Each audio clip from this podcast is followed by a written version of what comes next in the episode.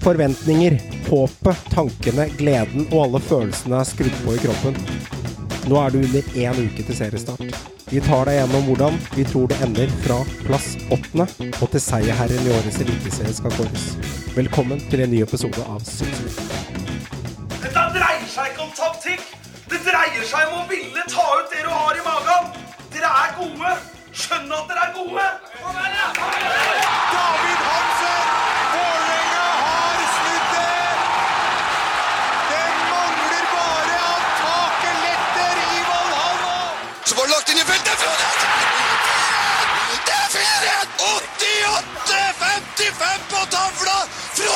Johnsen har skåra tre!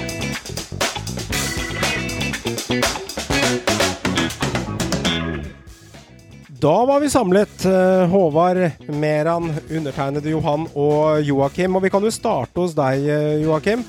Siste uke så gikk vi gjennom 16. til 9. plass, og du var jo av gårde på noe sånn, eh, hva skal jeg si for noe, Eh, Kompani Lauritzen nasjonal oppdrag, stemmer det? Ja, stemmer det. Det er en god beskrivelse. Ja, Hvordan var det? Det er alltid gøy, det. Ja. Kosa meg i ti dager. da. Du, du er ti dager borte, ja? Nei, det var bare noe. Ok. ok. Det er noe trening, kursing og litt forskjellig. Hva gjør dere sånn kort oppsummert? Nei eh, det er- jo litt sånn eh, Gjør jo litt samme som Kompani Lauritzen. da. Ok. Bare litt mer eh, Litt, litt mer proft. Ja. Leverte, følte du at du leverte, eller var du svakest i gruppa til tider der? Ja, nei, jeg fikk, fikk godkjent et rent eh, kurs, og da leverte jeg vel greit. Ja, det er bra. Det er godt. Så alt er ved dine fulle fem, og alt er bra hos deg. Alt bra hos meg. Ikke noe Gledelig å høre at du har noe å melde. Og det, er ikke bare gjort ikke en dritt og jobba. Det er godt. Nei, ja. Nå har jeg gjort mer enn nok, måtte jeg på å si. Jeg har fått nok natur jeg nå for eh, et par måneder. Så bare meg inne. Skyter nok for et helt år.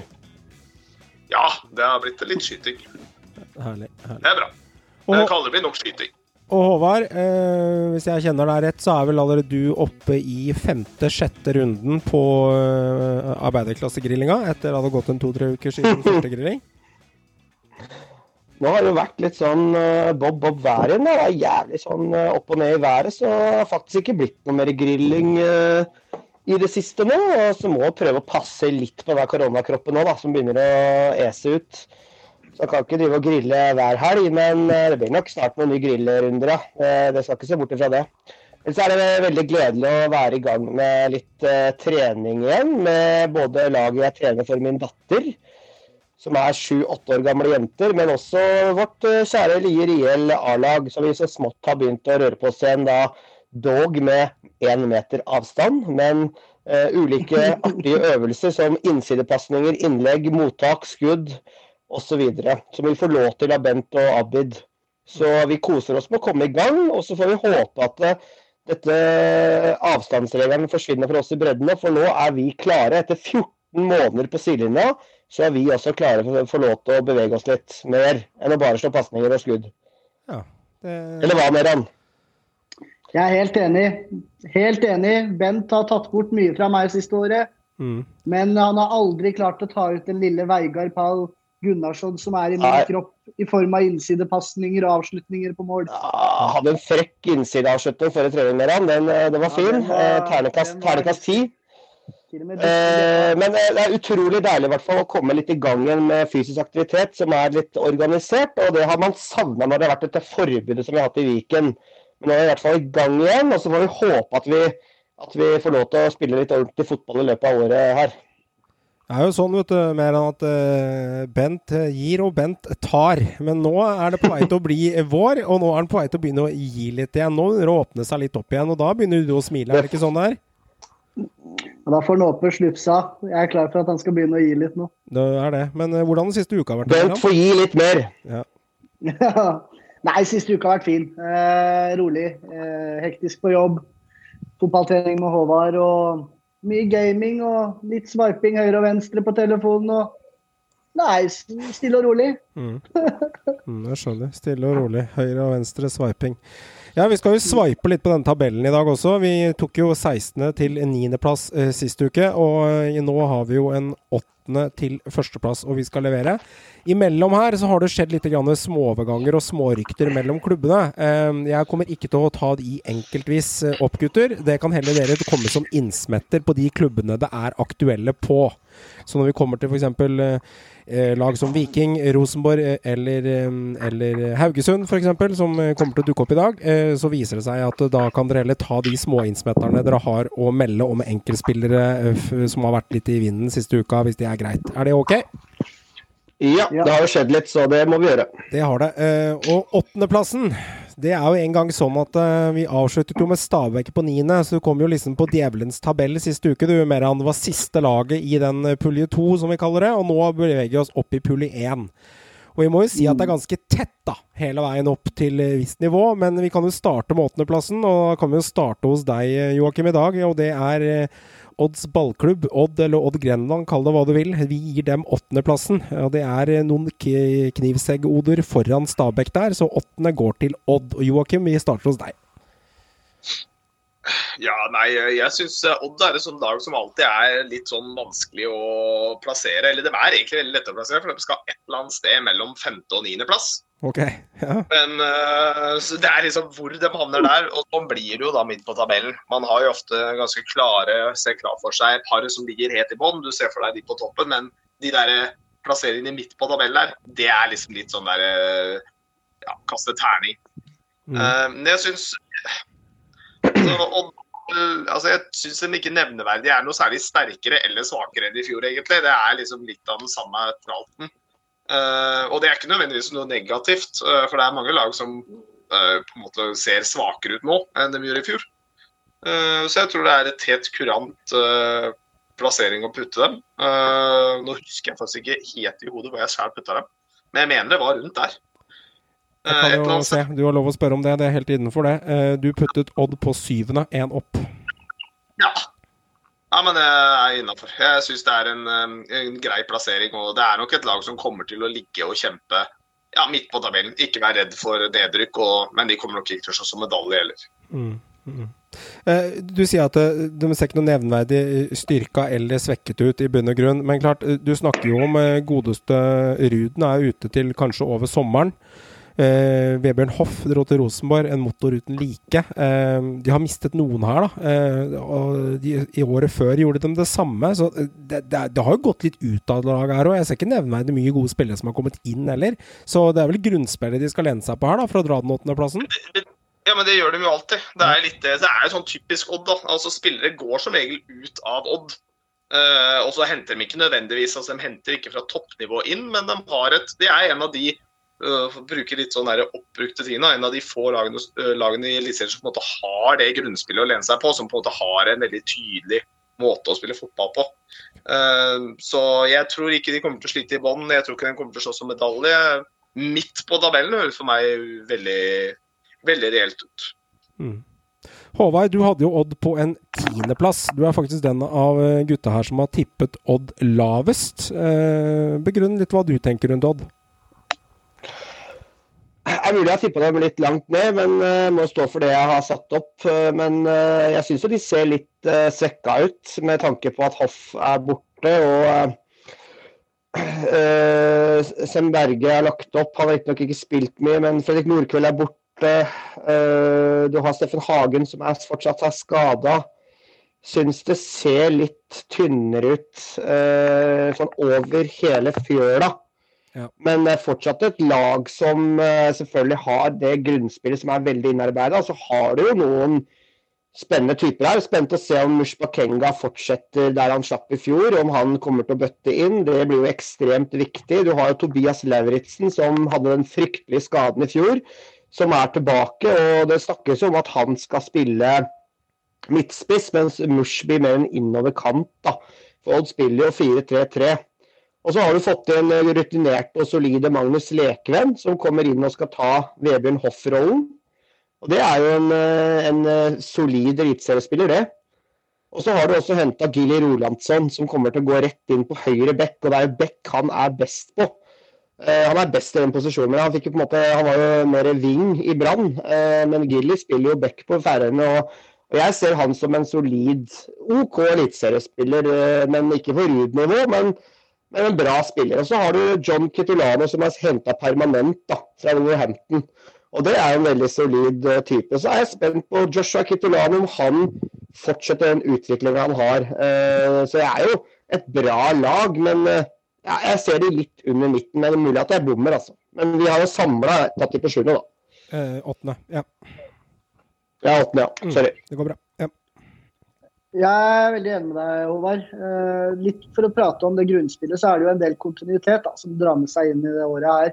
Eh, så må jeg også nevne at de har henta Solomon Ovusu òg, veldig spennende talent. Ja, meget spennende, faktisk. Eh, men jeg Altså, Joshua Kitolano han, jeg syns han var kjempegod i fjor, men jeg tror han kommer til å dominere mer i år i banespill. Eh, og da selvfølgelig John Kitolano bak der, og jeg tror han kommer til å bli kjempebra. Eh, litt sånn som du nevner, ja, de mista noen, men så har de også henta noen i form av Lekven. Så jeg føler ikke de er så tynnere besatt. Men det, det som er med Odd som gjør at jeg aldri tipper dem på medalje, det har noe med eh, Vi prata om kontinuitet er bra den ene veien, men det er også dårlig den andre veien. og Det er i form av sportssjefen deres. Jeg syns Tore Andersen burde lagt opp for hvert fall tre sesonger siden. Jeg mener han ikke er god nok for å være en sportssjef eh, i en klubb som Odd. Eh, Det ser man også resultater av i form av penger de har tjent inn, som er svært lite. Så, så for at Odd skal klatre, ja, da må de bytte sportssjef. For alt annet uh, syns jeg egentlig er ganske så bra. Mm. Nei, du, du er jo nemesisen til sportssjefer rundt om i Norge. Det er, og finnes det noe man kan plante på en sportssjef, så står jo du klar. Eh, Men det jeg gleder meg, altså det, det jeg gleder meg litt til, fordi jeg syns, jeg syns det var veldig trist i fjor med Lauritzen. Det var veldig kjipt, fordi han Mm. hadde jo faktisk noe for seg. Altså, han, Ja, han virka som ordentlig i gang, og han skåra vel, vel tre mål relativt kjapt når han fikk spille. Og så fikk han Mm. en skade og ble tatt ut så å si hele Var det- hele sesongen? Eller var han litt så å si. Han kom tilbake på slutten her. Så vidt, kanskje. Og sånt, men jeg var borte hele sesongen. Og han, eh, altså hvis han kan klare å hente opp Men nå har han hatt langt avbrekk, da. Men kan klare å hente opp det igjen, så kan det bli interessant. Og da, igjen, da. Hvor mange lag er det som har egentlig to Hvis du sier Lauritzen er tilbake igjen, ligger litt rundt der, og så har han Bakenga. To ganske gode spisser, da. Det er ikke så veldig mange lag i Eliteserien som har to ganske gode spisser. Det er det faktisk ikke.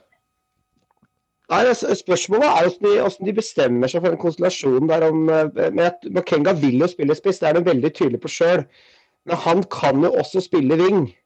Eh, Og Lauritzen, som du sier, han er såpass habil at det er vanskelig å liksom holde han på benken. Og han kan ikke spille noe kant. Han er en typisk midtspiss i 4-3-3.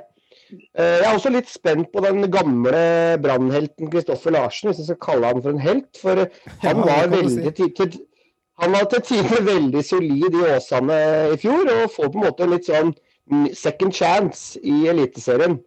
Eh, Kristoffer Larsen, som på sitt beste er faktisk jævlig god, og, men på sitt dårlige så, så kan han være fryktelig dårlig òg. Så jeg er veldig sånn troll i eskespiller. Du vet liksom ikke helt hva du får, men han har en veldig god fot, da.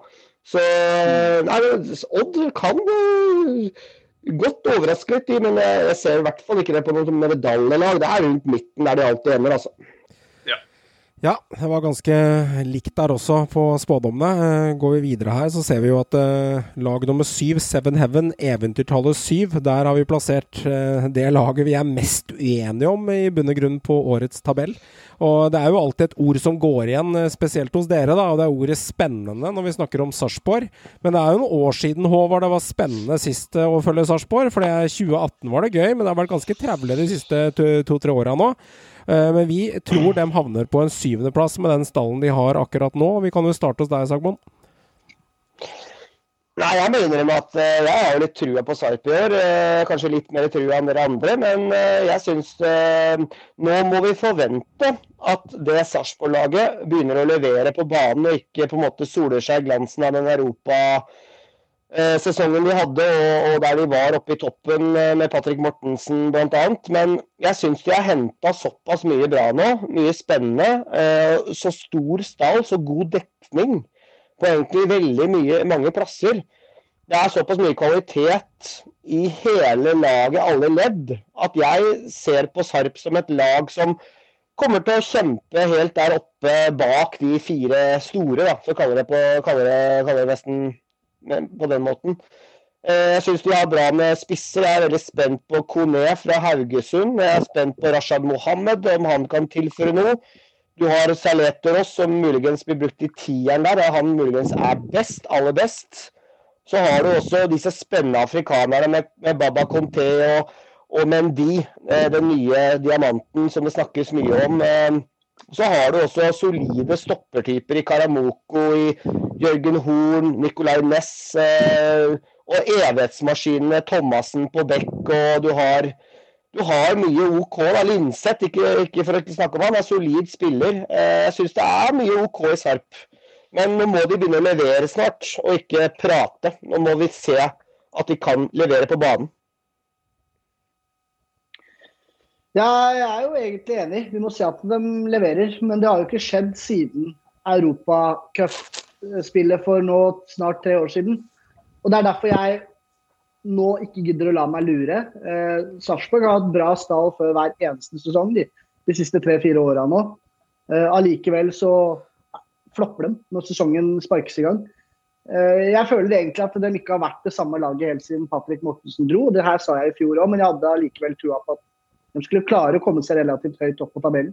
Det har jeg ikke i år. Jeg personlig har tippa dem på niendeplass. Fordi jeg Fool me once, shame on you. Uh, jeg er lei. Så Sarpsborg for meg er og forblir et lag uh, midt på tabellen, litt under òg. Så jeg, jeg, ser ikke at de skal plutselig ta kvantesprang og steg i år fra i fjor. Det, jeg klarer ikke å se det. Selv med en vanvittig god stand. Det sjukeste der er at jeg, når jeg satte meg ned, så var Sarpsborg et lag som kom veldig fort opp. da. Og jeg tenkte veldig litt mer an at jeg bare Nei, de skal ned. Eller ikke ned, de skal ikke nedrykk, men de skal ned på tabellen. Men det som er, da, som er, for jeg er ganske enig med Meran, og det er det der hvert år så tenker vi liksom Å, Sarpsborg, for det var henta 24 nye spillere og hiv og hoi og masse glans og kjempegøy. Og så ryker 22 av dem fordi de er søppel, og så er det to spillere som leverer greit. Men det som er med året i år, som jeg når jeg satt og vurderte dette inn, er jo det at altså, motstanden for Sarpsborg Jeg føler ikke den har vært mye dårligere. Jeg, jeg, altså Overall kvaliteten på lagene i forhold til før, da, hva du har sett i før sesongstart, av de som nå ligger under Sarpsborg på vår tabell eh, Jeg føler at den er ganske Det er mange lag som sliter i år. Det er mange lag som sliter voldsomt med både med bare antall spillere på mange lag. altså Det er for for liten stall. Og så mangler det vesentlige ting. Det mangler stoppere, det mangler spisser. Sarpsborg har jo liksom litt av hvert. Det er bare at du, du veit ikke hvor gode halvparten er. Det er Men de har i hvert fall, de, noen. Altså, De har noen å rullere på, de har noen å jobbe med. Mm. Og det gjorde at jeg fant egentlig ut at nei, hvis det er et år hvor Sarpsborg skal klare å liksom komme seg litt opp igjen da, og begynne å pushe litt mot gamle høyder, så bør det være i år. For hvis de ryker i år og havner i nedrykksstrid i år, da altså, da kan de nesten bare gi opp, tenker jeg, da, med tanke på den motstanden de, møter av mange av de lagene under seg. Og så tror jeg også har litt med at Mikael Stare, altså mange av disse svenske trenerne, de bruker litt tid på å skjønne norsk fotball. Og nå tror jeg han har lært litt mer. Og jeg syns, som du også er inne på, som jeg sa i mitt forrige resonnement, at eh, stallen er brei. De har stor dekning i forhold til de lagene rundt seg der. Eh, og så glemte jeg også å nevne selvfølgelig Christian Fardal Opseth. Han er jeg også spent på. Det er en mann som veit hvor målet står. Altså, de har så mange å velge mellom på alle posisjoner. Det er solid kvalitet, solid eliteseriekvalitet over nesten hele linja. Eh, Så jeg, er, eh, jeg, ser, jeg, tror at Sarp får en opptur, men selvfølgelig, vi veit jo aldri med dette laget her. For som vi sier, de har sett spennende ut før, og så har de floppa totalt. Men, men jeg tror at i år så vil de faktisk eh, være der det forventes, og være litt der oppe, da. Jeg har jo med rette vært skeptisk til Sarpsborg i flere år. eh, og Det er jo musikk i mine ører, det Joakim sier. For det, det viser jo egentlig at jeg hadde ganske rett her også. Jeg syns det er fryktelig mye fisk i bingen. Eh, og så er det jo en gang sånn i, på et fotballag at det er 11 som kan spille. da. Det hjelper ikke å ha 22 jevne spillere, som de har hatt. Eh, for det er 11 som kan spille, pluss fem innbytter i fjor, da, og tidligere var det tre. Eh, en spiller jeg også syns jeg, syns jeg skulle kanskje tatt litt mer step, som også ble prata litt opp i Sarpsborg i fjor, var eh, Anton Soleteres. Tar du han f.eks.. Han fikk 1582 minutter i fjor for Sarpsborg. Skal du fullføre en hel sesong, nå var han inn og ut i to perioder, så har du 2600 minutter i, i beltet. Da får du en keeper for et lag, spiller 2600 minutter ca. Så han har spilt eh, 70% av sesongen for Sarpsborg i fjor, og står med én scoring og fire assist. Ikke at han heller skal skissere det spillet i huet og ræva og være assist-konge, men han skal skissere en god del på midtbanen. Men jeg syns en spiller som han ble prata veldig opp. Jeg forventet mer. Jeg syns ikke det var enormt det vi fikk se i andre perioden han heller. Så det er litt sånn det er veldig mye sånn med Sarpsborg. Og Kier også tidligere på sesongen i fjor. Mye prat. Ja, han kom opp fra eh, Mener det var Sandefjord han kom, eh, kom, fra, hvis jeg ikke husker helt galt. Eh, og det ble pratet mye om at han skulle ta neste step. Men den som var en av de bedre på midtbanen i fjor til eh, Sarpsborg, som vi ikke snakka om i det hele tatt, det var Nicolas Næss. Han spilte jo fryktelig mye minutter, og var egentlig mannen som uh, sto 2600 minutter. Han spilte alle kampene han for, for, eh, for Sarpsborg i fjor, utenom én eller noe. Så de, de, holdt seg plutselig til de spillerne, Håvard, som var de etablerte som har vært her lenge. Mens de som skulle ta steppet videre og gjøre det, Nei, de gjorde det ikke. Så det er veldig mye sånn nesten river ingen av hesten, og det er en ting jeg ikke liker helt med det laget. Men eh, det som er med Saletros, han var vanvittig god før han eh, dro tilbake til Russland. Og så satt han på benk i råtna i Russland, eh, helt til Sarp da eh, kunne kjøpe han fri og signere langtidskontrakt. Og Det var ikke type samme spilleren som kom tilbake da, for da hadde han eh, vært lang tid uten å ha spilt noe særlig fotball. Og så hadde det veldig tøft psykisk i, eh, i Russland. da. Eh, det snakker bl.a. Thomas Berntsen om i den indre banepoden med Sarp der. Så, så, nå får han tillit og er i kjempeform. og Det er en spiller som jeg tror vil heve seg betraktelig og sannsynligvis også bli brukt mer offensivt. Eh, så, så, det er en spiller med kvalitet, men jeg er helt enig i at målpoengene uteblei. Men det er en spiller som ofte er tredd sist og, og and sist på, på ball. Da. Eh, han er ikke en spiller som hvis du ser på karrieren hans, det er ikke masse mål. Men det er en spiller med kvalitet som kan servere. Og, og vi må ikke måle det kun i målpoeng. Fordi at det er en stabilisator det her, en spiller som skal spille andre gode. Så det er noe med det òg. Men eh, jeg er spent på hva de, de tre afrikanerne deres eh, kan få til. Eh, nå har de blitt ett år eldre. Og Kone fra Haugesund har et bra råmateriale. Så han snakkes det mye om i Sarp. At Ibrahima Kone han skal virkelig slå til på topp der. Det er et beist av en spiss. Og så er jeg spent på de andre unggutta der med Conté og Mendy. Veldig spent på om de kan på en måte ta ekstra step nå, for nå begynner de å bli litt eldre. De ble henta veldig unge hit. Så jeg syns det er ja. Mye OK der, altså. Men poenget der Håvard, er at jeg er enig det at om man skårer én mål og fire assist, eller to skåringer og seks, seks assist, det er ikke det som avgjør om han øh, blir en spiller man forventer han. Enig. Men når man snakker om at spilleren før han kommer Jeg skjønner han hadde det vanskelig, og det er kjedelig for han, og så får han vite mist det motsatte i år, kanskje. Han har hatt en sesong på seg, eller halvår på å trene opp.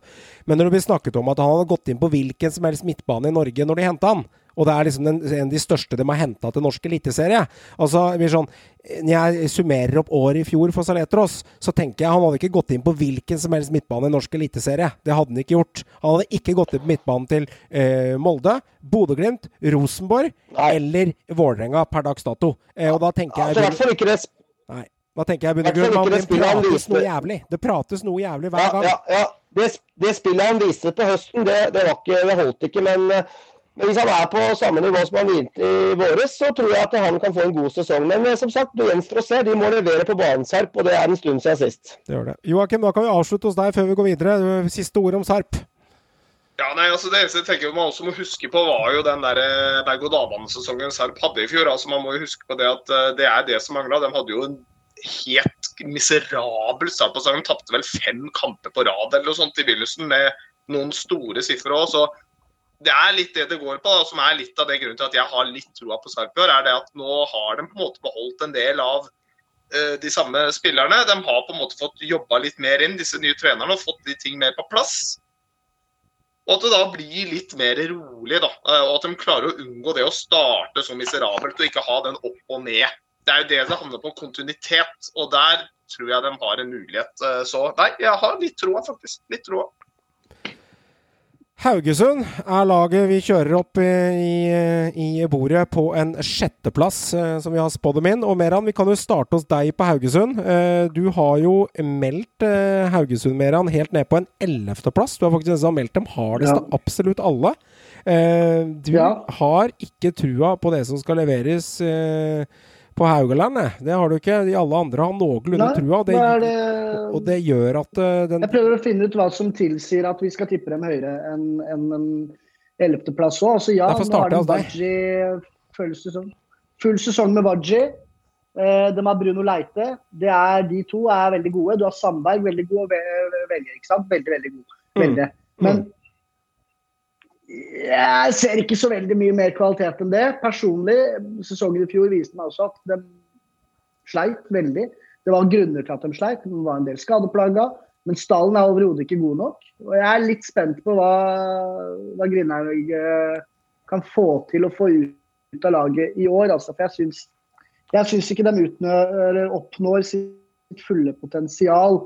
Verken spillmessig eller tabellmessig eller ja, eh, enkeltindividsmessig også. Det var jo veldig som var stor selvfølgelig god på straffer og alt dette her. Men jeg føler de kan, de kan så mye bedre og kan så mye mer. Og de spillerne som jeg nevnte nå i en annen klubb, ville nok levert bedre, spør du meg, da. Syns det er snilt med en sjetteplass eh, samlet for dem. Eh, du syns at det, det, er spenstig? Ja, jeg syns det er altfor snilt. Jeg synes det er alt for snilt. Mm. Eh, Jeg er ikke fan av det. Håvard, eh, du har jo meldt eh, Haugesund eh, oppå en sjette. Krog har meldt de på femte, og Joakim på femte. Det gjør at de får denne sjetteplassen som du har spotta dem an. Din tanke rundt Haugesund, Håvard? Jeg syns de ser mer solide ut enn på veldig lenge. Nettopp pga. særlig de offensive spillerne med Sandberg, Velde, Waji. Og ikke minst at eh, godeste Sondre Liseth tror jeg kommer til å passe bra inn i det Haugesund-laget. Til å binde opp mye. Og er en plugg, en kruttønne der, som, eh, som jeg tror kan styrke det laget bra. Kommer til å passe bra inn i måten de spiller på. Og så forventer jeg at Velde bare fortsetter å levere, for han har X-faktor og veldig store kvaliteter. Og så syns jeg altså Sandberg, Wajer er solide spillere på eliteserienivå. Eh, offensivt. Litt eh, tynnere bakover. Eh, litt skadeutsatt med Pallesen, men de er en god stopper i Tidemann Hansen. Jeg syns også Tore Andersen er en solid back. Jeg syns at Desler er meget solid høyreback. Syns at de har en del bra. Elveren deres er sterk, syns jeg. Men kanskje litt tynn bredde.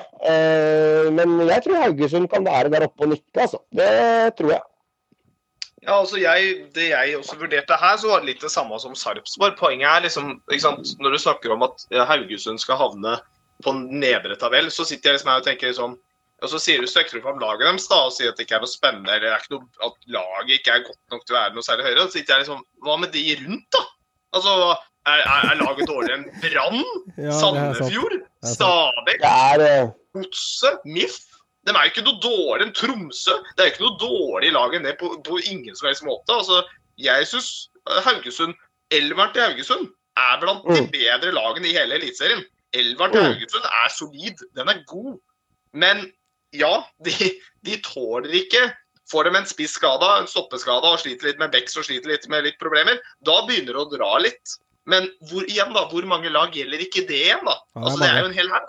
Ja. Så nei, jeg- Haugesund jeg, jeg tror de kommer til å gjøre det en god sesong. eh, Rett og slett pga. at de har en av de bedre elverne. Og så må de da satse på at de ikke får altfor mye problematikk med skader eh, i år. Jeg skjønner ikke hvorfor jeg egentlig kaller han Tore Pedersen for Tore Andersen. Jeg har gjort det flere sendinger på rad. Han heter selvfølgelig Tore Pedersen og ikke Tore Andersen. Men Tore Pedersen er solid, og så har du selvfølgelig gamle god Stølås der, som eh, var litt på vei tilbake, som er solid eh, dekk. Jeg syns at elveren deres er ganske bra, altså. Har de alle de beste tilgjengelig, så ser det litt spennende ut. Og Waji er fall lite målpoeng, men han er jo et beist der framme. Eh, Så jeg forventer bedre nivå Haugesund og høyere jafs på tabellen oppover. altså. Det som er litt spennende, altså uh, fantasy-favoritten til eh, Joakim, altså Desler, Mikkel Desler, eh, han, Han hadde faktisk eh, nest flest assist av eh, forsvarsspillere i fjor. Det er kun, kun slått av Ruud i Odd. Så han legger en god del, og det var jo mye fravær til Stølås. Eh, Stølås fikk faktisk litt, han også. Så jeg syns jo at hvis du ser på sentrallinja til Haugesund, sånn he eh, he hele, så har de gode midtstoppere. De har Velde, de har Sandberg, de har en frekk eh, Leite. Eh, det er vel de jeg vil trekke fram på midtbanen der. Så har du Waji. Så eh, jeg er enig med Joakim sitt resonnement der, at de andre lagene rundt, som er Kristians, eh, Kristiansund, Brann, Stabæk, Lillestrøm, Tromsø, Odd, de er ikke bedre skikka enn Haugesund per dags dato. Og hvis de får grunnspillet sitt å gå, og de i tillegg beholder målpoengene på, på, eh, eh, på Sandberg og Velde, og Waji får litt vann på mølla med den kraftkroppen som han har, han er jo en maskin, da tror jeg faktisk de kan være seige å møte både på hjemmebane, veit vi at de er seige, eh, men jeg tror de kan raske med seg litt bortepoeng også, og da tror jeg den eh, sjetteplassen der, den kan eh, sitte godt i sikringsboksen. Det er mine tanker. Ja, Det er et veldig viktig poeng òg, som det er. fordi Haugesund å dra dit og spille, det er som regel dritt. Det er som å dra Altså, til er Tromsø. Det er som å dra til Tromsø. Det er et mareritt. har den hjemmebanefordelen sin da, i Gåsedein. Altså, de er veldig gode på hjemmebane, og det har de alltid vært. Uh, og, så de trekker litt der. Så må jeg selvfølgelig bare skyte inn det at du ser jo hva som skjer. altså Er du den beste bekken på Haugesund, ja, da blir du fantasyfavoritt hos Joakim. Sånn er det bare. Og Stølås Stølås var det foregående sesong, og så var det Destiny i fjor. Det er veldig enkelt. Det er veldig enkelt, det. Det er sånn det skal være. Jeg, for, jeg forventer også at uh, Leite kommer litt tilbake. Han hadde en svak sesong i fjor, faktisk. og Det er en spiller med bra potensial, og der er bordet også litt målpoeng. Så han må litt uh, opp på hesten og begynne å levere litt igjen. For det er en spiller med bra kvaliteter. Liksom. Han uh, slepen type som har mye i seg. Det har han. Da kommer det til plassen som Karra Altså, det var sånn at nå skal vi på femteplass. Og eh, hadde Meran hadde dunka Haugesund én eller to knep opp fra din ellevte, som var litt slakt hos Haugesund, da. Eh, ikke noe gærent i det, det er lov å stå for det. Kan hende du får rett til slutt. Eh, så hadde fellestabellen vår gjort at Haugesund tok femte. Eh, og da hadde dette laget her havna på sjette, men det ble at Viking havner på femte i vår, vår fellestabell.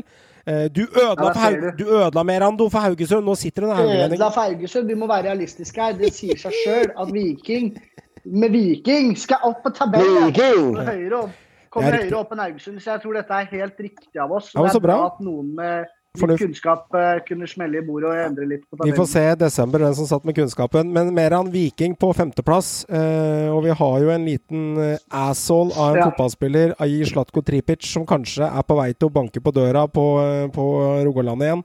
Dine tanker om Viking som nummer fem? Altså, fy faen. Det er det jeg må starte med å si. Altså, det er ingen spiller i 2019 jeg skjelte ut mer enn Slatko Tripic. Han er en jævel å møte, men en av de beste i Eliteserien Ja, å ha det- i stallen sin. Altså, det. her er Viking før Slatko Tripic, for den tabellen satte jeg opp før Slatko kom inn i bildet igjen. Eh, Viking er sterke i år, men nå er de sterke med hærføreren sin tilbake. Allikevel mener jeg at de er ikke like sterke som topp fire-laga, som vi har vært innpå og skal inn på en etterpå. Men jeg mener definitivt rett bak de, der har du Viking. Eh, de har en bra stall. Eh, nytt, spennende, litt idiotisk trenerteam, mener jeg, men jeg føler at det er ikke likestilt. Jeg føler at Morten Jensen er, er sjefen der. Eh, men, med, men med Slatko tilbake Jeg føler omvendt. Ja, du føler omvendt? Ja, Bjarte er sjefen. Ja, det er Bjarte. Unnskyld, det er Bjarte, han som var i podkasten en dag. Han. Bjarte Lunde Aasheim. Ja. Men, eh, men eh, nei, jeg, jeg tror Viking blir bra altså, med, med Veton foran der. Som Nå er ikke Veton signert ennå, da. Det er bare gode innsigere på det. Veton er jo i Nei, klubben. Slatko, Nei, beklager, Veton er i klubben, ja, men Slatko. Slatko, Slatko eh, Ja, men det ligger an til en femårskontrakt, leste jeg nå. Ja, det gjør det. Så, så det, vi får dem til det. Bare for å ha sagt det, da får dem til det. Viking blir å regne med i toppen i år. Ja. Topp fem tror jeg er helt, helt, helt riktig plassert av oss. Altså, jeg kan si at eh, jeg har lest mye om Statko-overgangen, og den er så å si bankers. Det er femårskontrakt, altså. Er. Han er frigitt Han er frigitt fra Gusteppe, eh, og han går gratis hjem til Stavanger. Det er bare å dytte inn millionene i den kontrakta der. Og sikre seg han eh, på langtidskontrakt. og Det gjør han også før han kommer til å spille ut karrieren. så ligger du an til nå. Han er jo 28 år og vil være noen og 30 når den er over. Så det, det er en sterk signering som virkelig nesten får meg til å vippe, dem, vippe dem oppover tabellen. Jeg syns den rekka foran med, med faktisk med Veton, Tripic og Kabran er litt uh, spennende. Jeg tror Kevin Kabran får seg en opptur i Viking. Jeg synes han, Det er en spiller med kvaliteter som har slitt med å få uttelling. Men nå kommer han inn i et bedre lag, med bedre lagkamerater og et system som jeg tror passer han bedre. Og Det tror jeg han kan uh, nyte godt av. Jeg, jeg ser, altså, så har du mye spennende. Du har han bikkja Løkberg òg, som er viktig for det laget. Som innpisker både på, i garderoben og på banen. Og Joe Bell tar steg. Trygg, pasningssterk spiller. Og så har du uh, Heggheim, solid, spennende stopper. Du har Vevatnet. Jeg syns det er en del solid der, altså. Ja.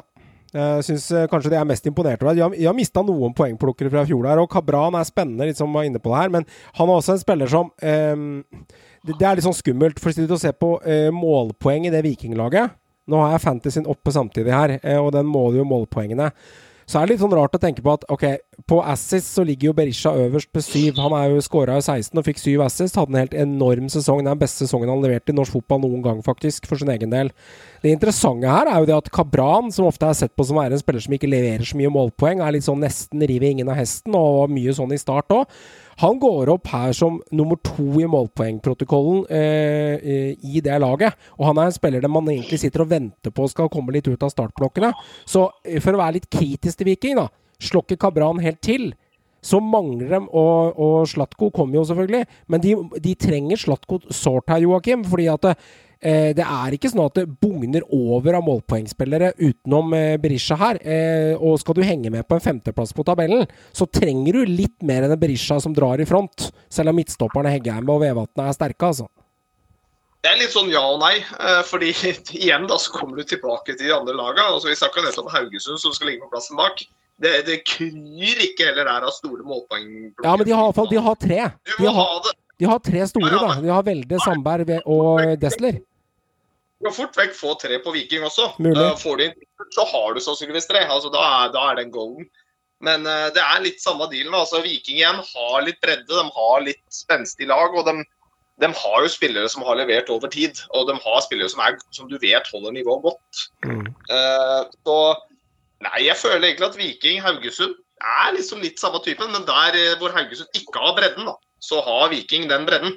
Mm. så det er spenstig. Det er, det er, kanskje litt tynt på topp, uh, eh, syns jeg, hvis eh, Berisha skulle gå på en smell eller noe sånt. Nei, altså jeg syns, eh, jeg syns at de har OK bredde framme. En spiller det er store forventninger til, som kom på høsten i fjor, som ble henta tilbake fra Bundesliga. Det var Samuel Fridjonsson som nå i år skal spille tier. Han har vært mer lavere i banen før. Han har banka inn mål i preseason nå. Skårte senest mot Haugesund når de slakta Haugesund 4-0 i går. Så uh, Viking han tror jeg får en god sesong sammen med Fridtjonsson bak spiss der. Og Jan Erik Dilanli også, faktisk, selv om han alltid er skada, han meldes også å være i bra slag. Så uh, vi får se da hvor lenge han holder før han er skada igjen. Men uh, med Slatko inn er det er spennende lag. Ja. Jeg uh, ville, Det var bra sagt, Håvard. fordi uh, Tid han blir jo selvfølgelig nøkkelspilleren i år. Men Delanlé, vi har dissa han mye. Kalt han en skadeutsatt allidrettsspiller. Ja. I år tror jeg året hans. Altså. Han har ja. veldig offensiv ute. I media melder at han har fått skikk på kroppen sin og melder mm. 10 pluss uh, plus målpoeng. Eh, holder han kroppen sin skadefri med det laget han har rundt seg, skal du faen ikke se bort fra at det skjer heller. altså. Men han trenger å få litt mer aggresjon, og det er der Veton og Slatko er veldig bra å ha to sånne øh, krigere i troppen som shaker litt liv og røre inn i en, i en uh, kirkegutt som uh, Delandé. Tror jeg bare er fint. var litt morsomt i forhold til det med Delandé, da, når eh, Johan i stad snakka om disse 2700 minutterne for å ha spilt hele sesongen. Ja. Han har klart han har oppnådd det på tre sesonger, da. Ja. Det er jo Så, ja, eh, det, det, er litt sånn han må, han må Det må funke. Det må han. Så, ja. Og så har du spillere som er litt sånn under radaren, også med Fredrik Torsteinbø, som faktisk kommer inn og scorer litt, altså.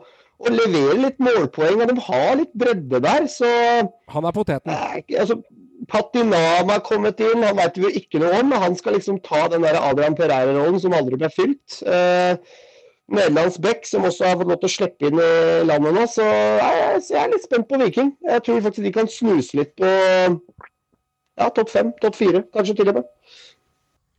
Hei sann, det er Lars Jørgen Salvesen fra Godset her. Nå er det tid for quiz, gutter. Spiss ørene, gjør dere klare. Nå skal det kjempes om poeng. Da kjører vi quizen, karer, før vi beveger oss opp på topp fire. For det der er ganske jevnt, det som har blitt levert her eh, på eh, fjerde, tredje, andre og førsteplass. Så vi tar en liten break, og da er det quiz. Joakim, du har en liten eh, runde å gå på her, du. Fra sist uke. Det er, li det er litt deilig, da, å ha en sånn litt overs liten sak. Det Er litt på sida. Litt av, Ja, ja. litt av fra sida. Så jeg tenkte vi skulle gjøre det enkelt. Vi kjører i gang eh, din først. Gjør unna den før vi kjører, eh, før vi kjører eh, hovedrunden med alle. Er det greit? Ja, det er greit.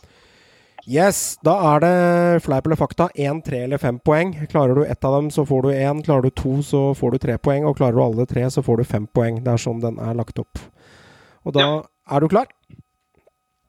Eh, Sigurd Rostedt spilte for Skeid før han signerte for Sarpsborg. Flaut.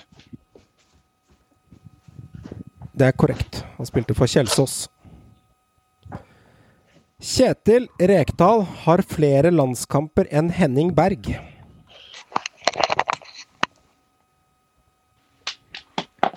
Fakta. Det er eh, fleip. Fint hvis dere er litt rolig med headset i bakkant her, så hjelper det meg veldig. Det er fleip. 83 kamper versus 100 kamper. Ja, selvfølgelig. Ja. Per Christian Bråtveit spilte for Djerv 1919 før Haugesund. Å, får jeg to sånne på rad? Hæ? Det kan skje, vet du. Vet du aldri i quizen. Har du slengt inn en uh... altså, ja, jeg har, Det blir jo tips uansett, da. Men uh, jeg tenker jeg går for da Fleip igjen, jeg. Det er feil. Det gjorde han. Ja. Da sitter du med ett poeng der. Ja, ja, ja. Ja, ja. Det er Ja, greit. ja, ja. Rostetten tok du. Den er grei, den er grei. Da skal vi gå ned på Hva satser du? Eh, Joakim, er du klar? Geografi. Oi Jeg har lyst til å satse- satse fire. Svaret er ikke Innlandet denne gangen, altså. Nei, jeg satser eh, Ikke, ikke ta ja. nei. Nei, jeg satser fire. Jeg, selv om det er litt krise. Kan det være hva som helst. Ja, Ja, men sånn er det jo. fire. Hvilket fylke ligger Sogndal i? Sogn og Fjordane. Nei, vent, det heter ikke det lenger. Det heter eh, Hva heter det nå? Eh, du har eh, Vestlandet? Jeg har glemt hva de nye fylkeskommunene heter. Det er veldig mange som sliter med de. Veldig mange som sliter med de. Det her kan bli en sånn quiz Det er Vestlandet. Det kan bli en sånn quiz-boble de neste par åra, når ikke folk har lært seg det der. Nei, ja, Vestlandet. Ja, det høres eh, riktig ut, men svaret er Vestland. Ja, ja. Det var bom.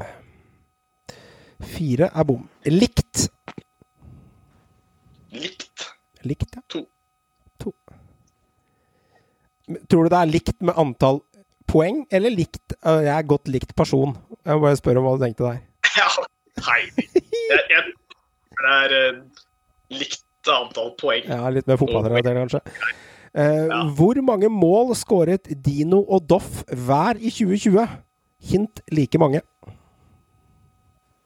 Uh, Jeg skal ha spot on, fordi kan du den ene, så kan du den andre. Du får ingen Doff. Ja. Uh, det er over ti. Um, jeg tror det er Dette så jeg på fancy her om dagen. Jeg tror eh, det er, det er over ti. Det er Jeg tror det er tolv. 13 Trenger et svar. Jeg, jeg, jeg, tror- det er tolv. Du går for Jeg mener tolv. Dino Doff skårte tolv. Du, går for tolv. Mener Doff skårte tolv. Ja, så svaret ditt er tolv? Ja, og jeg mener også Dino skårte tolv. Ja, de skal, Jeg sier Tolv! ja, Tolv! Tolv! ok. Jeg sier tolv. Ja, greit. greit. Det er korrekt. To poeng. Jeg skulle bytte det noen andre. Jævla Vestland, Vestlandet, da. Det er irriterende. Ja, ja, ja, sånn er det. Sånn er det med å kunne geografien, vet du. Land. Nei, det kommer noe sånn en eller annen spiller jeg ikke veit hvem er, som hvor han kommer fra. Jeg sier tre. Det kommer ikke hvor Dennis Bergkamp er fra, så, men eh, det, det kommer heller Hvilket land er Malik Mane ifra? Jeg veit jo ikke det, jeg. Den er seig. Malik Mane? Husker du han, eller? Den er lett, da! Ja, det er det. Den Så husker jeg godt. det er ikke Det så er ikke enkelt. lett. Ingen som Nei, vet. jeg, jeg, har ikke- jeg, jeg, Noen som veit. Det er, ikke, det, er, det er ikke Norge, det kan jeg si med en gang. Nei, det er greit. Det hintet får du. Det var smådvask spiller, faktisk. Ja. Uh, Minte meg litt om eh, Ondo i Stabæk i sånn kroppsform. Jeg kan jo ikke plassere spilleren engang. ja, litt mer lavere, lavere og mer plugg. Litt mer som Didier Konan Ja, Ja, men Konan ja. var best av de her, da. Um, skal vi se. Ondo var sjuk. altså. Ja. Ondo skåra det første målet i Eliteserien noen gang. Han var jo ikke sjuk mer, han var ganske dårlig, faktisk. Ja, men han, fyren var sjuk, da. Bare gå fortsett savner- sagt, eller skal jeg bare sortere land i hodet? Jeg bare begynne fra 197 og så jobbe meg nedover. Ja, Men vi trenger et svar snart. Eh, Hvor er Malik Mani fra? Hvilket land? Du har satsa tre poeng. Peiling, jeg. Uh, Du har jo litt peiling. Det er jo ikke, du skjønner at det ikke er Sverige, liksom? Altså, ja Nei, det, det, det er jo ikke sikkert det. Sånn der, da Han ble flytta dit som toåring, fikk statsborgerskap i det kunne vært en Rade Pritcha-luring, som egentlig er fra Hvis du ikke har peiling, så må du svare Uh, Jeg et eller annet tipper eh, Skal vi se Hva med Senegal, tipper. Det er korrekt. Tre poeng. Nei! Jo! Ja! Joho! det er sjukt, altså! Det ja, Se så fornøyd han ble. Han ble like fornøyd som han ble med Kompani Lauritzen i uka som var. Ja, det, det, det var Helt sjukt, bingo, Det- helt det- bingo. Det er helt, bingo. Ja, ikke helt Det er sjukt bingo. men eh, Ok. ja, greit. Ja, fint. Nei, nei, den er. Da får du en ny runde. Svensk klubb. Nice. Ja, én. Ja, det har du brent deg på før. Ja. Eh, Andreas Vindheim har spilt for én svensk klubb. Hvilken? Og det skjedde fra 2015 til 2019. Én svensk vinn. Uh, hvor er Andreas alle disse Vindheim. kommer fra? Han er ganske, ganske kjekk, habil fotballspiller. Det kan jeg gi hint om. Fra Skal vi se Ja, det er vel fra en av disse Skal vi se Hek- Ah, Han har litt sånn, eh, han har litt sånn Hedenstad i Rosenborg-utseende. Okay, sånn har pen okay. ung gutt. Nei, nei, Jo, det har han. nei, så kjekk er han ikke. Har ikke jeg Nei. Så prøvd meg kjekk er han på, ikke. har ikke jeg prøvd meg på Brommapoikerne før? Jo, Ja, jeg det igjen, jeg. du kjører Jeg kjører Brommapoikane igjen. Ok. Det står på ett poeng, og Brommapoikane er et artig navn, men eh, det er dessverre feil. Det er Malmö. Å ja. Det var såpass, ja. Du, dette er solid spiller, altså. Ja, han veit ikke. Jeg, gir jeg, jeg følger jo ikke med på Som heller ikke fikk sjansen i Brann. Men nå Jo vel, det var der han slo igjennom, tulling. Og da med sånt. Han var en av få som var bra når vi rykka ned. Kan vi holde oss til eh, kan vi, kan, vi, kan vi respektere at vi holder oss til quizen innimellom her? Ja, Så, da, nå er jeg det- slenger nå skeier femmeren det i for bordet mye på ut. slutten igjen. jeg. da er det en femmer til slutt, og det er ett tall. Ja, ja. Om man, regner, om man regner med sesongen 2021, hvilken sesong vil dette være med 16-lagsserie i øverste divisjon i Norge?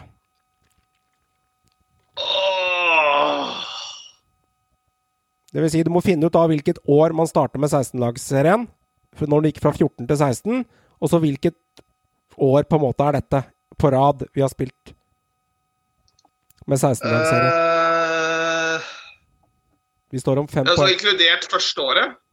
Ja, Altså, altså inkludert sesongen? Okay, Hvis du regner med 2021 og sesongen vi går inn i nå, den gjelder også som et tall.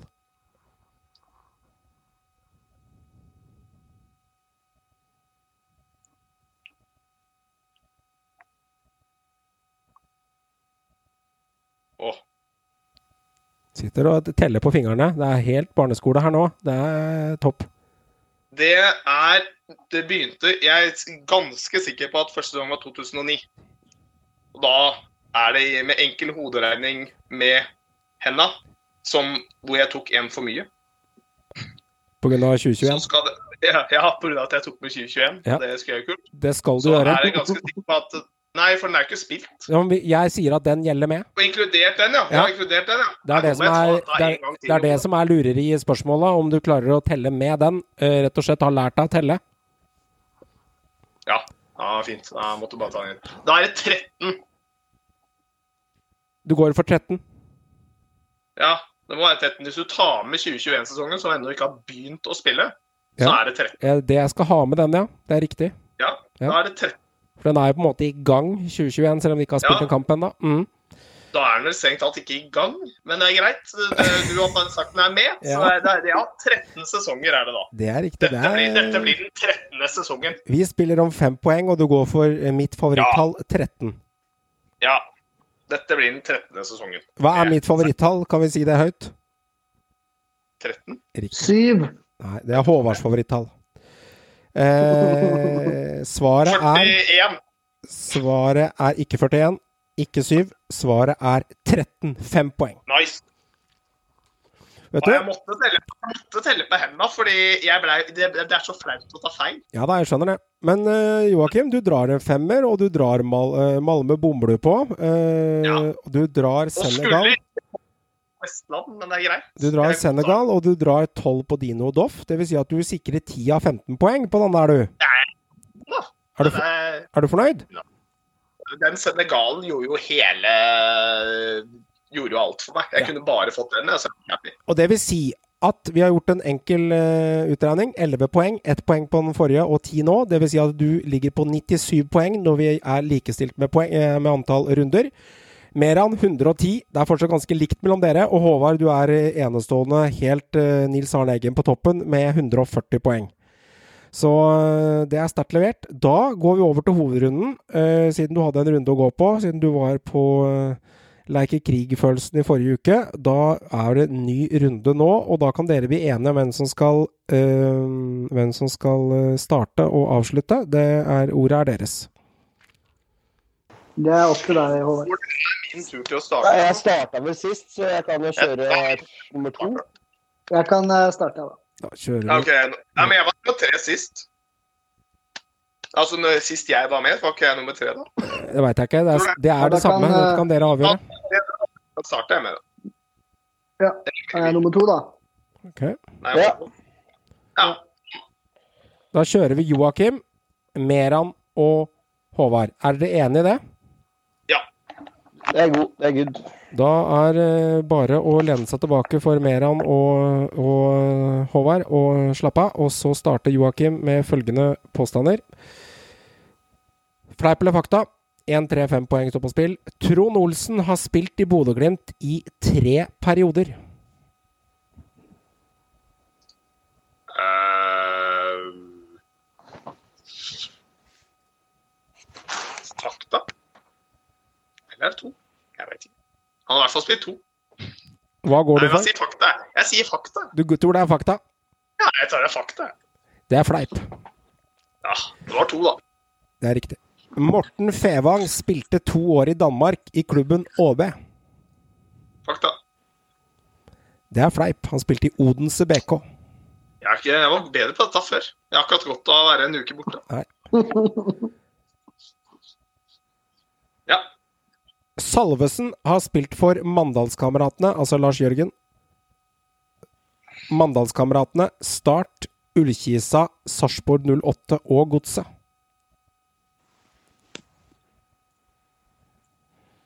Det er karriereløpet hans. Det er det jeg nevner nå. Mandalskameratene, Start, Ullkisa, Sarp og Godset. Han har spilt for de klubbene, stemmer det? De fakta igjen. det. Det er fleip også igjen. Det er tre fleipespørsmål på rad. Han Ja, spilte for. Vigør, ikke Mandalskameratene. Her kom For- det si- tre rappe, rappe fleiper, altså. For, for å si det sånn, jeg hadde tenkt å si Jeg kan jo ikke gjøre det dårligere enn forrige gang. Men det var greit at jeg lot ligge. Det er mulig, det. Da er det null poeng på deg. Ja, ja. Tar igjen på de andre. Det er sånn. Ok. Meran, er du klar? Ja. Ja, da kjører vi, da. Michael Carlsen spilte for Rosenborg i to år, fra 2009 til 2010. Altså to sesonger der.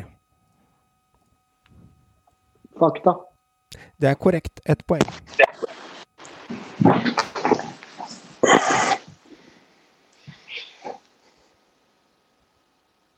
Ruud ble poengkongen med flest mål assist for Odd i 2020-sesongen. Fleip. Fakta 17 målpoeng. Hæ? Ja. Hadde han det? Ja. Masse, masse, masse assist, vet du. Nei, jeg slo en Bakenga, altså. Det er godt den Bakenga hadde 15 mål eller noe. ikke sant? Ja, Men den der skal jeg sjekke opp etterpå. Men ja. Ja. Ja, sjekk det opp. Du kan jo godt sjekke det med balldirekten min med en gang, hvis du har lyst til å Jeg kan, sjekke, jeg kan gå inn og sjekke. Joakim sjekker. Jeg er opptatt med Jeg kan gå spørsmål. inn og sjekke. Skal vi se Seks uh, skåringer fra uh, Ruud og 11 assist. 17. 16. Han hadde én assist, den godeste Bakenga. Så den, ja, det- en, skik stemmer det, en skikkelig luring. Den der. den der. Spørsmål tre. Mm. Da er det siste påstand. Uh, Holbert Fredjonsson ble solgt ja. fra Ålesund til klubben Leccia.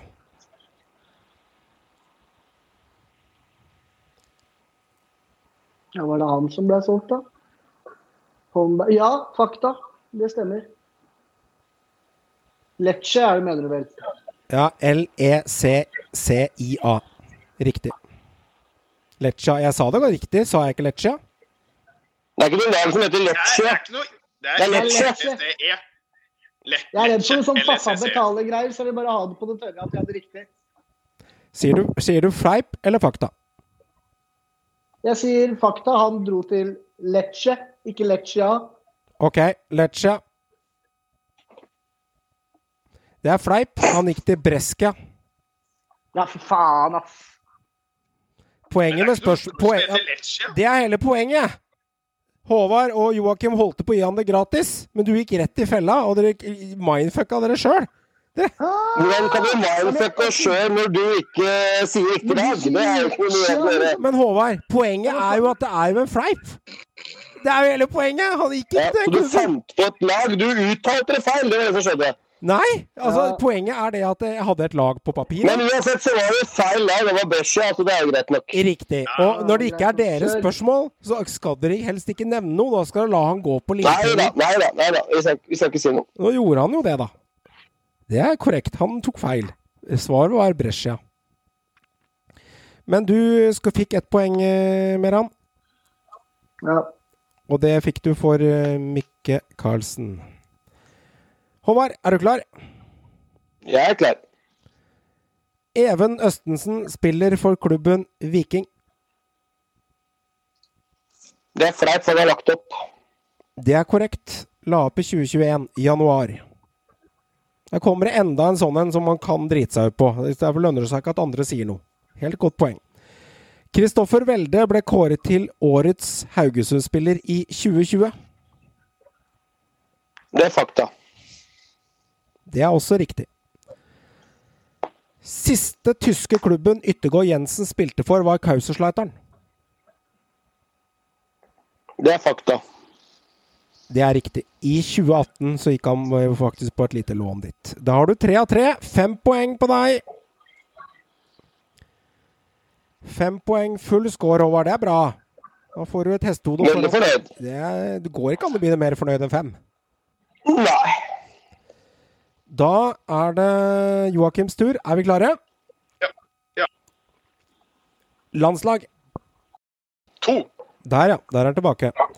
Trenger ikke å stoppe av den grunn. Han trengte bare noen sekunder. Ok, du satser to på landslaget. Hvilket, ja. Hvilket landslag representerer Joe Bell om han skulle spilt landskap for et lag i morgen?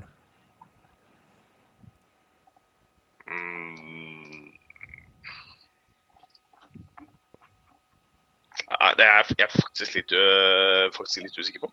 Mm. Uh, Nord-Irland? New Zealand. Ah, stemmer det. Ja, ja. er bra jeg tok to, da. Utenlandsk spiller.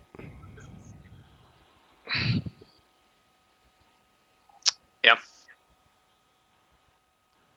Første utenlandske toppskårer i vår øverste divisjon i Norge.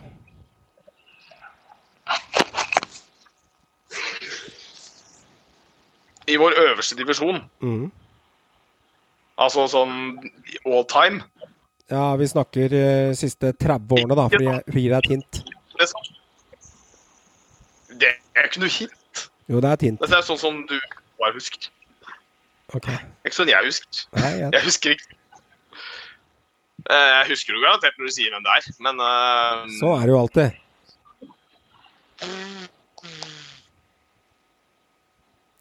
Jepp. Vi venter. Det er, lov, å- det er lov å tenke høyt. Det hjelper veldig.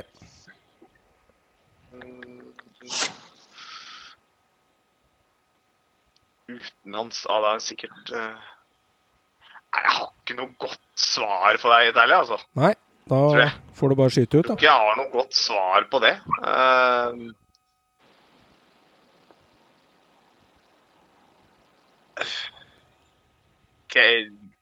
Clayton Sane.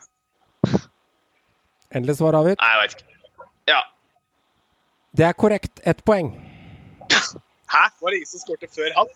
Jeg var sikker på at det måtte være noen før han. Nei, på 90-tallet var det Rushfeldt og Brattbakk som herja, vet du. Ja, det var jo Rose, ja, selvfølgelig var jo sånn Rosenborg-dominans hele veien, ja. Ja, ja. Så kom Clayton Sane i 2001. Ja, da ga det jo mening. Ja, OK. Ja, men det er greit. greit. Land. Ja, ja. Ehm, fire. Angra med en gang. Fire, faktisk. Du kjører der, ja. Det er lov, det.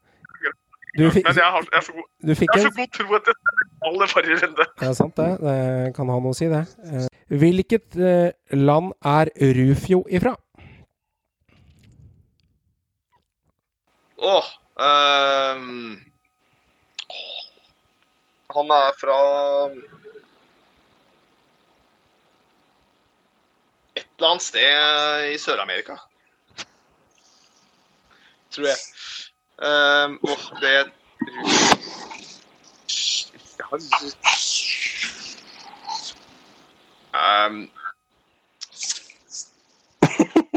Nei, helt i Det er helt Det er, jeg har funnet ut i hvert fall én ting i løpet av denne quizen. At bakgrunnslyden må kanskje tilbake mer an. For å tenke høyt og snakke høyt når vi prater, det sliter veldig mange med her. Og så tror jeg ikke Joakim kan få doble runder. ass. Det blir for mye tenking. Joakim, du må få eh, fart på mølla! Det er for Det er så mye som Fire poeng i bordet. Eh, um, Kan du det ikke, må du skyte. han er fra Chile. Jeg husker ikke. Han er fra Spania. Ja, Jepp. ja, ja. Land, Venter jeg på meg. landsdel. Du har fem, fem og tre. Tre. Sparer fem. Femmeren spares alltid, den. Eh, Andreas Lund var en notorisk målskårer. Hvor i Norge er han ifra?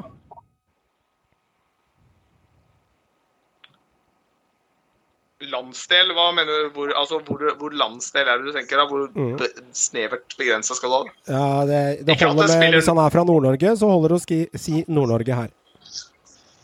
Å oh, Ja, Det, det hjelper meg litt, grann, da. Ja, da Han, eh, Andreas, han er fra Sør-Norge. Sør- Sør-Norge. Sør-Norge. Jeg veit. Sør-Norge. Ja, eh, den er veldig gråsone. Uh, jeg godkjenner ikke den. Grå! Du skal, gi, du skal gi meg en landsdel? Ja, uh, han, Du kan kan ikke kalle det grå... Dine Hvor er han fra? han er fra Kristiansand, Sørlandet. Ja, men du må jo ikke si Du sa si Nord-Norge som er landsdel. Da må jeg få lov å si Sør-Norge. Han er løk. Det er sant, Det er piss. Ja, den er på Det grensa, er altså. piss. Den er uh, Nei, Nord-Norge. Jeg støtter Joakim der. Ja.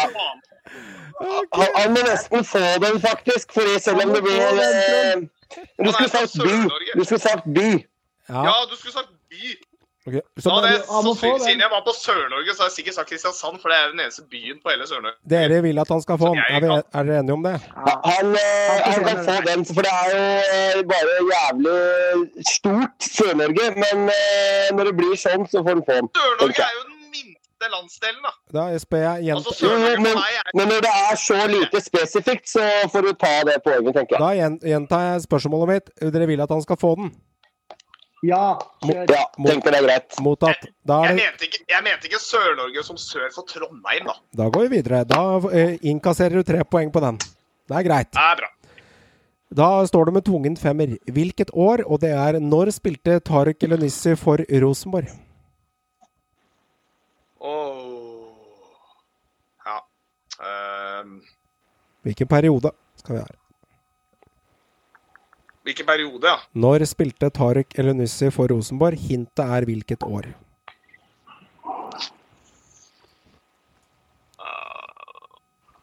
Den er eh, Skal vi se 2000 og 13. Ett år, mener du? Du sa hvilket år? 2013. Nei, du må lytte nå. Hvilket år er hintet? Og da eh, har du en tvungen Ja, femmer. Så kommer spørsmålet når spilte Tariq Elenussi for Rosenborg? Det kan være fra 2001 til 2010. Det kan være ett år, det kan være fem år, det kan være to år. Hvilken Når spilte han for Rosenborg? 11 til 2013, da. Ok. Det er riktig at han avslutter i 2013. Men han, Ja, det, kom det var det eneste jeg visste. han kom dit i 2012 tidlig. Så 2012 til 2013 fem poeng røyk. Ja. Den er grei. Ja. Men du får, eh, får for, eh, for eh, Sørlandet på Andreas Lund, det er tre poeng. Og så får du for Clayton Sane, den var litt artig. Da ender du med Ja. fire. Så det er ikke det, det er, eh, Du drar fire poeng ut av boksen. Meran, er du klar?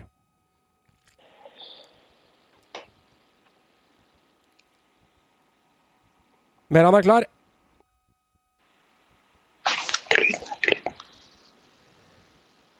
Jeg er klar. Bra. Vinner. Tre. Tre. Hvem ble årets spiller i 2018 i Obos-ligaen? –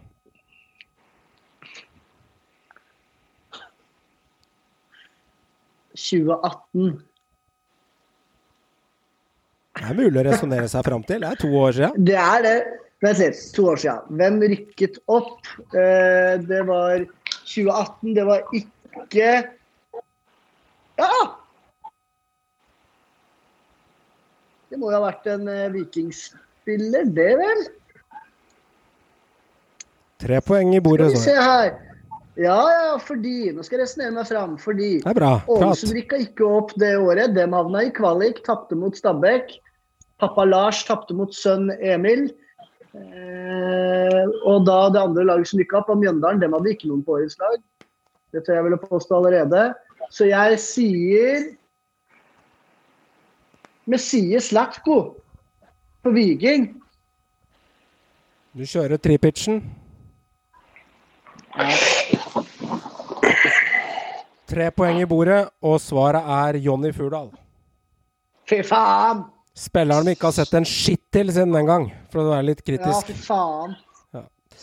Tre poeng ryker. Tre klubber.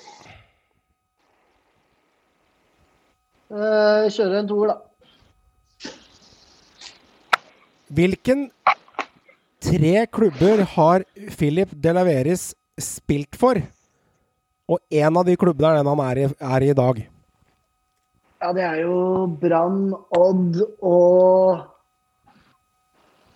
eh, Hvor var den største klubben, altså?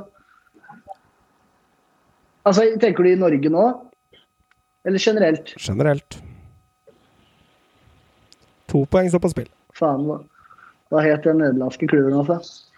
Eh, nå husker jeg ikke farta. Står litt stille på den nederlandske klubben, så jeg sier eh, Jeg sier Vitesse, for ikke ut tida. Ok. Odd og Brann er korrekt. Mm. Vitesse også korrekt. To poeng. Bang! Visste den satt. Én klubb. Ja, Få ta fireren, da. Oi. Oi, oi, oi. Hvilken klubb spilte Myggen for før start? Oi, før start. Dette burde jeg jo kunne. Det er lenge, du burde kunne, det var jo så vidt født. Jo, men Myggen, altså Myggen Jeg elsker jo Myggen. Ja. Jeg elsker jo Myggen. Alle, Jeg har jo lest meg opp dette før. alle liker Myggen. nå. Myggen var sånn spiller som ingen Eh, skjønte hva Myggen- dreiv med, og, og han drev med sånne Ja, magiske ting på banen. Men vet du, var ikke han fra Spilte ikke han i Moss, da? Spilte i Moss, faktisk. Ja. Og da skammer jeg meg hvis dette er feil. Men jeg, eh, jeg har så lyst til å si Moss. Du kjører Moss, du. På fire poeng. Ja, ja, og så skammer jeg meg litt hvis det er feil. Og så beklager jeg til Myggen. Er Bjørn Eidsvåg som synger hele tida om skammen, og den skammen kan du kjenne på, for svaret er Bryne. Fire poeng ryker.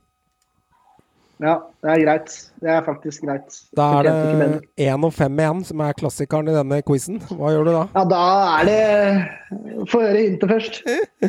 Spiller. Ja, jeg kjører alltid tvungen yatzy. Jeg gjør det i dag òg. Jeg, jeg, jeg tar eneren her nå, jeg. Ja. Det er greit. Da kjører vi en ener, og det skulle du aldri ha gjort. Det skulle du aldri ha gjort, min gode venn. Christian. Williamson hadde et kallenavn. Hva var det? Matti. Christian Wil Williamson hadde et kallenavn. Unnskyld! Jeg tror du snakka om han på Rosenborg eh, Altså, du, du snakker Chippen Wilhelmsson nå? Jeg leser navnet hans. Navnet hans er Christian, Ja. Christian Wilhelmsson. Hadde et kallenavn. Hva var det ja. kallenavnet? Unnskyld. Unnskyld. Beklager, jeg bare retta opp det der, for jeg syns du sa Mathias Wilhelmsson. Christian Wilhelmsson. Chippen Wilhelmsson. Ett poeng står på spill, og det poenget treffer du på. Ett poeng. Ja, Det kunne vært en femmer, det, vet du. Men nå kommer femmeren. det kunne det. Ja. Kommer femmeren. Og det er år. Hvilket år kom Ole Jørgen Halvorsen til Sarpsborg 08?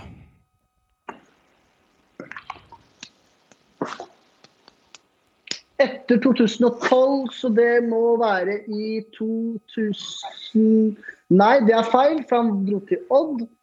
Etter Fredrikstad-tida, så Han dro til Serp i 2000 og Jeg har lyst til å si 14, men jeg sier 2015. 2015, svarer du.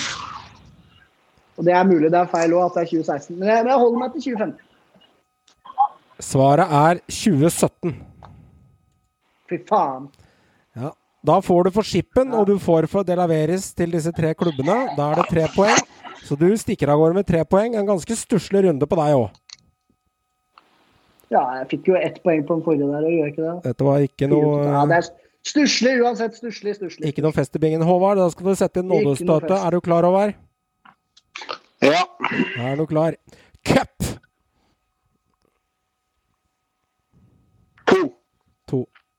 Cup er litt ekkelt. Det kan være det. Det kan være det spørsmålmessig. Hvor mange cupkull har Slatko Tripic i Norge? Antall cupgull. Jeg trenger ikke hvilket år han vant. Jeg lurer på hva han fikk med seg fra Molde, men eh, Liten luring der. Han har i hvert fall ett med Viking. Men eh, jeg sier eh, Jeg sier Jeg sier ett, ja. Endelig svar avgitt. ja. Viking 2019 er korrekt. Han har også et til Molde i 2013. Ja, det var det jeg var veldig, veldig tvil på. Men ja, da ble det, det, ble det to, ja. Ja. Geografi. Tre. Tre. Fra hvor i Norge er Mathias Nordmann ifra? Nord for Trondheim et sted. Jeg skal ha en landsdel i Norge. Litt samme spørsmål som Andreas Lund i stad. Han er fra Lofoten, Svolvær, for å være helt korrekt, tror jeg. Eh, Nord-Norge. Det er ganske spot on, det. Han er fra Svolvær i Nord-Norge. Tre poeng er innkassert.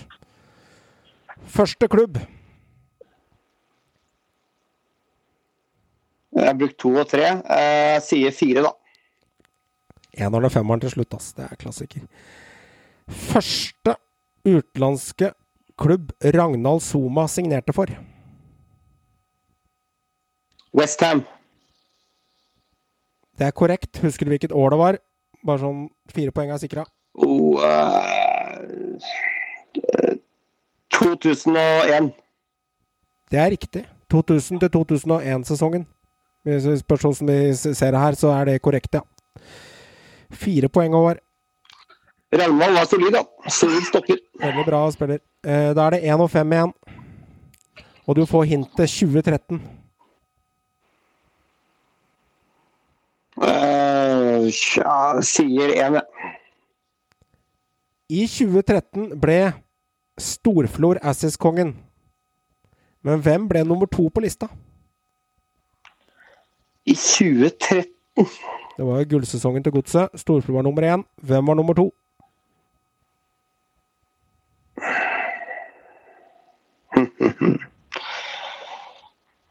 Magnus Wolff Eikrem. Ett poeng står på spill. Eirik Huseklepp, ni stykk.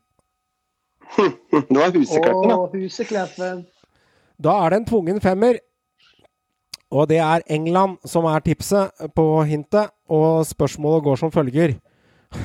Da kommer eh, ikke Pedersen over, men da kommer Trond Andersen. Var proff i England fra 99 til 2003. I hvilken klubb? Fem poeng på spill. Wimbledon, The Crazy Gang. Altså Wimbledon er svart. Under Drillo. Ja, heter ikke de The Dons i dag nå? Stemmer ikke det?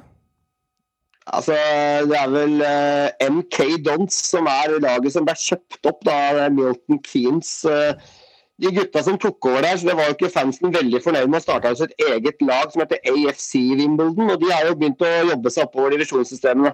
Herregud, det er riktig.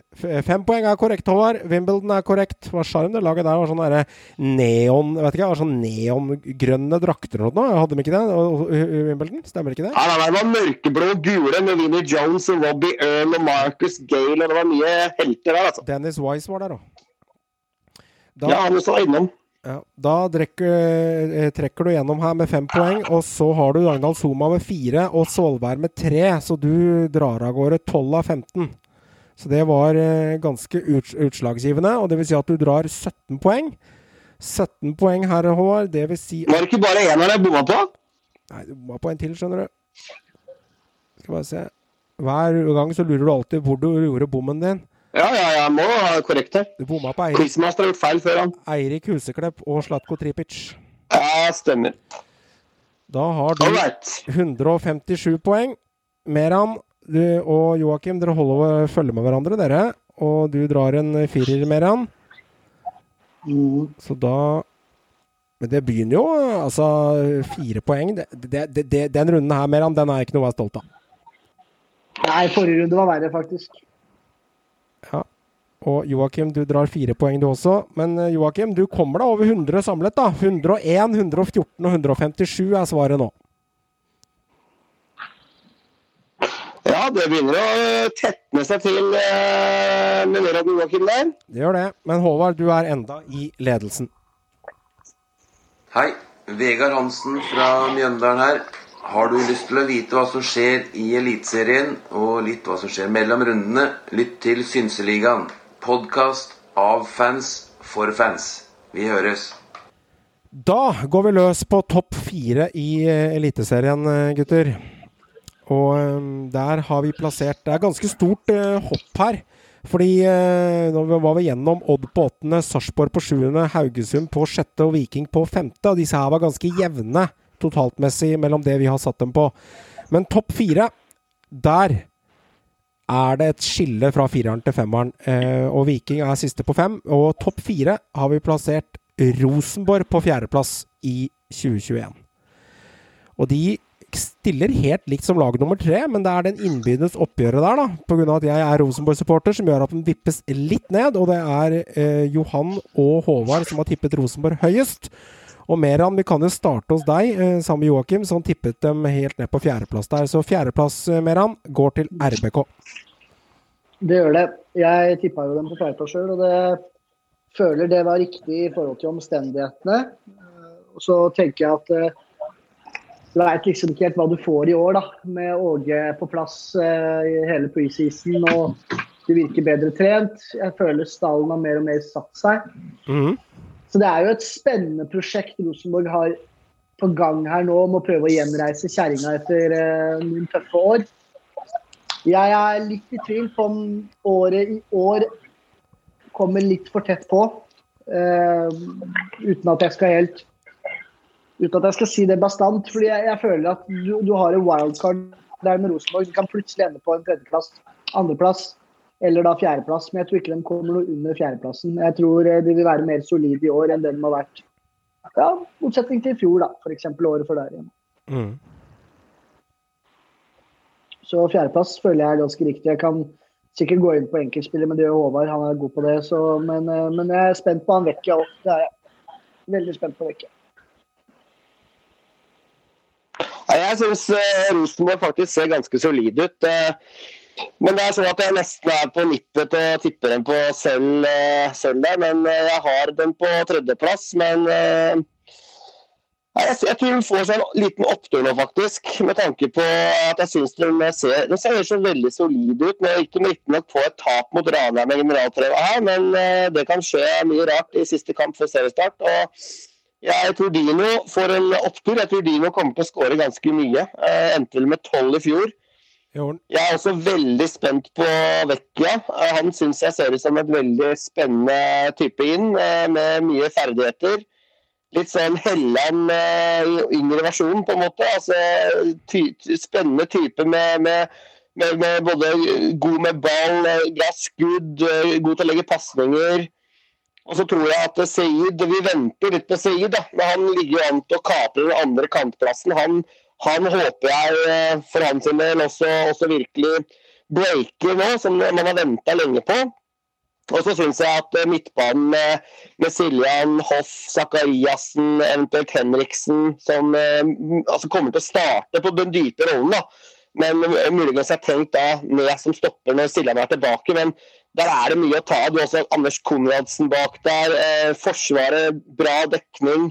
Mange å velge blant eh, på stoppeplass. Det blir sikkert Hovland og Eyolfsson, tror jeg. Så har du da Adam Andersson eller Augustinsson på venstrebekk, og Reitan blir nok høyreback. Så det er en solid, og selvfølgelig André Hansen i mål. Veldig solid keeper. Jeg syns elveren til RBK er sterk, og det er god bredde.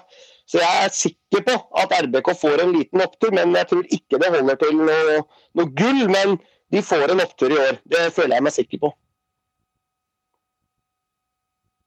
Ja. Joakim, dine tanker om eh, Rosenborg. Du har jo vært veldig opptatt av at de har rydda hele vinter, og var bare på tide at de måtte rydde med både Mike og Helland og Aasen og en god del tjafs ut til høyre og venstre. Det har jo egentlig vært litt sånn mantra fra din side at det måtte jo være spørsmål om tid. Da har du snakket lenge før de måtte gjøre en rensk etter Kåre, og nå har de jo rydda dette skapet for skjeletter i lang tid. Tror du det bærer frukter, eh, Joakim, eller tror du det blir litt traulig i året og kommer til å stange på denne fjerdeplassen? Dine tanker? Det spørs hva du legger i det. Eh, Jeg syns Rosenborg gjort på flere år. Eh, Jeg syns laget nå ser bra ut, som Håvard har vært innom. Eh, De er selvfølgelig avhengig av at en del av disse, altså noen av de ny, altså nysignerende slår til. Eh, Og de er avhengig av at Dino leverer bedre enn han gjorde i fjor. Så det er en del som avhenger fremdeles. Mm. Ser, nei, det ser frisk ut. Det var vanskelig, egentlig, i år. Vanskeligere enn jeg trodde eh, å tippe de på toppen. Men eh, Nei, jeg, har dem jo på fjerdeplass. Og eh, altså Det er liksom sånn, det er ikke noe galt i at Rosenborg er på fjerdeplass, annet enn at de er Rosenborg og bør være høyere oppe. Det er greit, det. Men de har tung motstand. Det er egentlig eneste grunn. De har veldig tung motstand blant de tre andre lagene på topp. Mm. Uh, og jeg, jeg De kan like gjerne havne på tredje, men jeg tror enn så lenge at de kanskje sliter med å slå de tre lagene over eh, og ta dem. Eh, men dette det kan gå alle veier, så jeg har valgt å legge dem på fjerdeplass eh, i år. Som i fjor. Syns du at RBK ser ganske solide ut i treningsmatchene her? Altså, øh, Vebjørn Hoff får veldig bra tilbakemeldinger på det som leveres der. Eh, Doff øh, er på som det skal være. Henriksen er usikkert enda om han skal ned. og jeg har fortsatt ikke spilt mer enn en halv omgang som midtstopper, siden Siljan fortsatt er ute.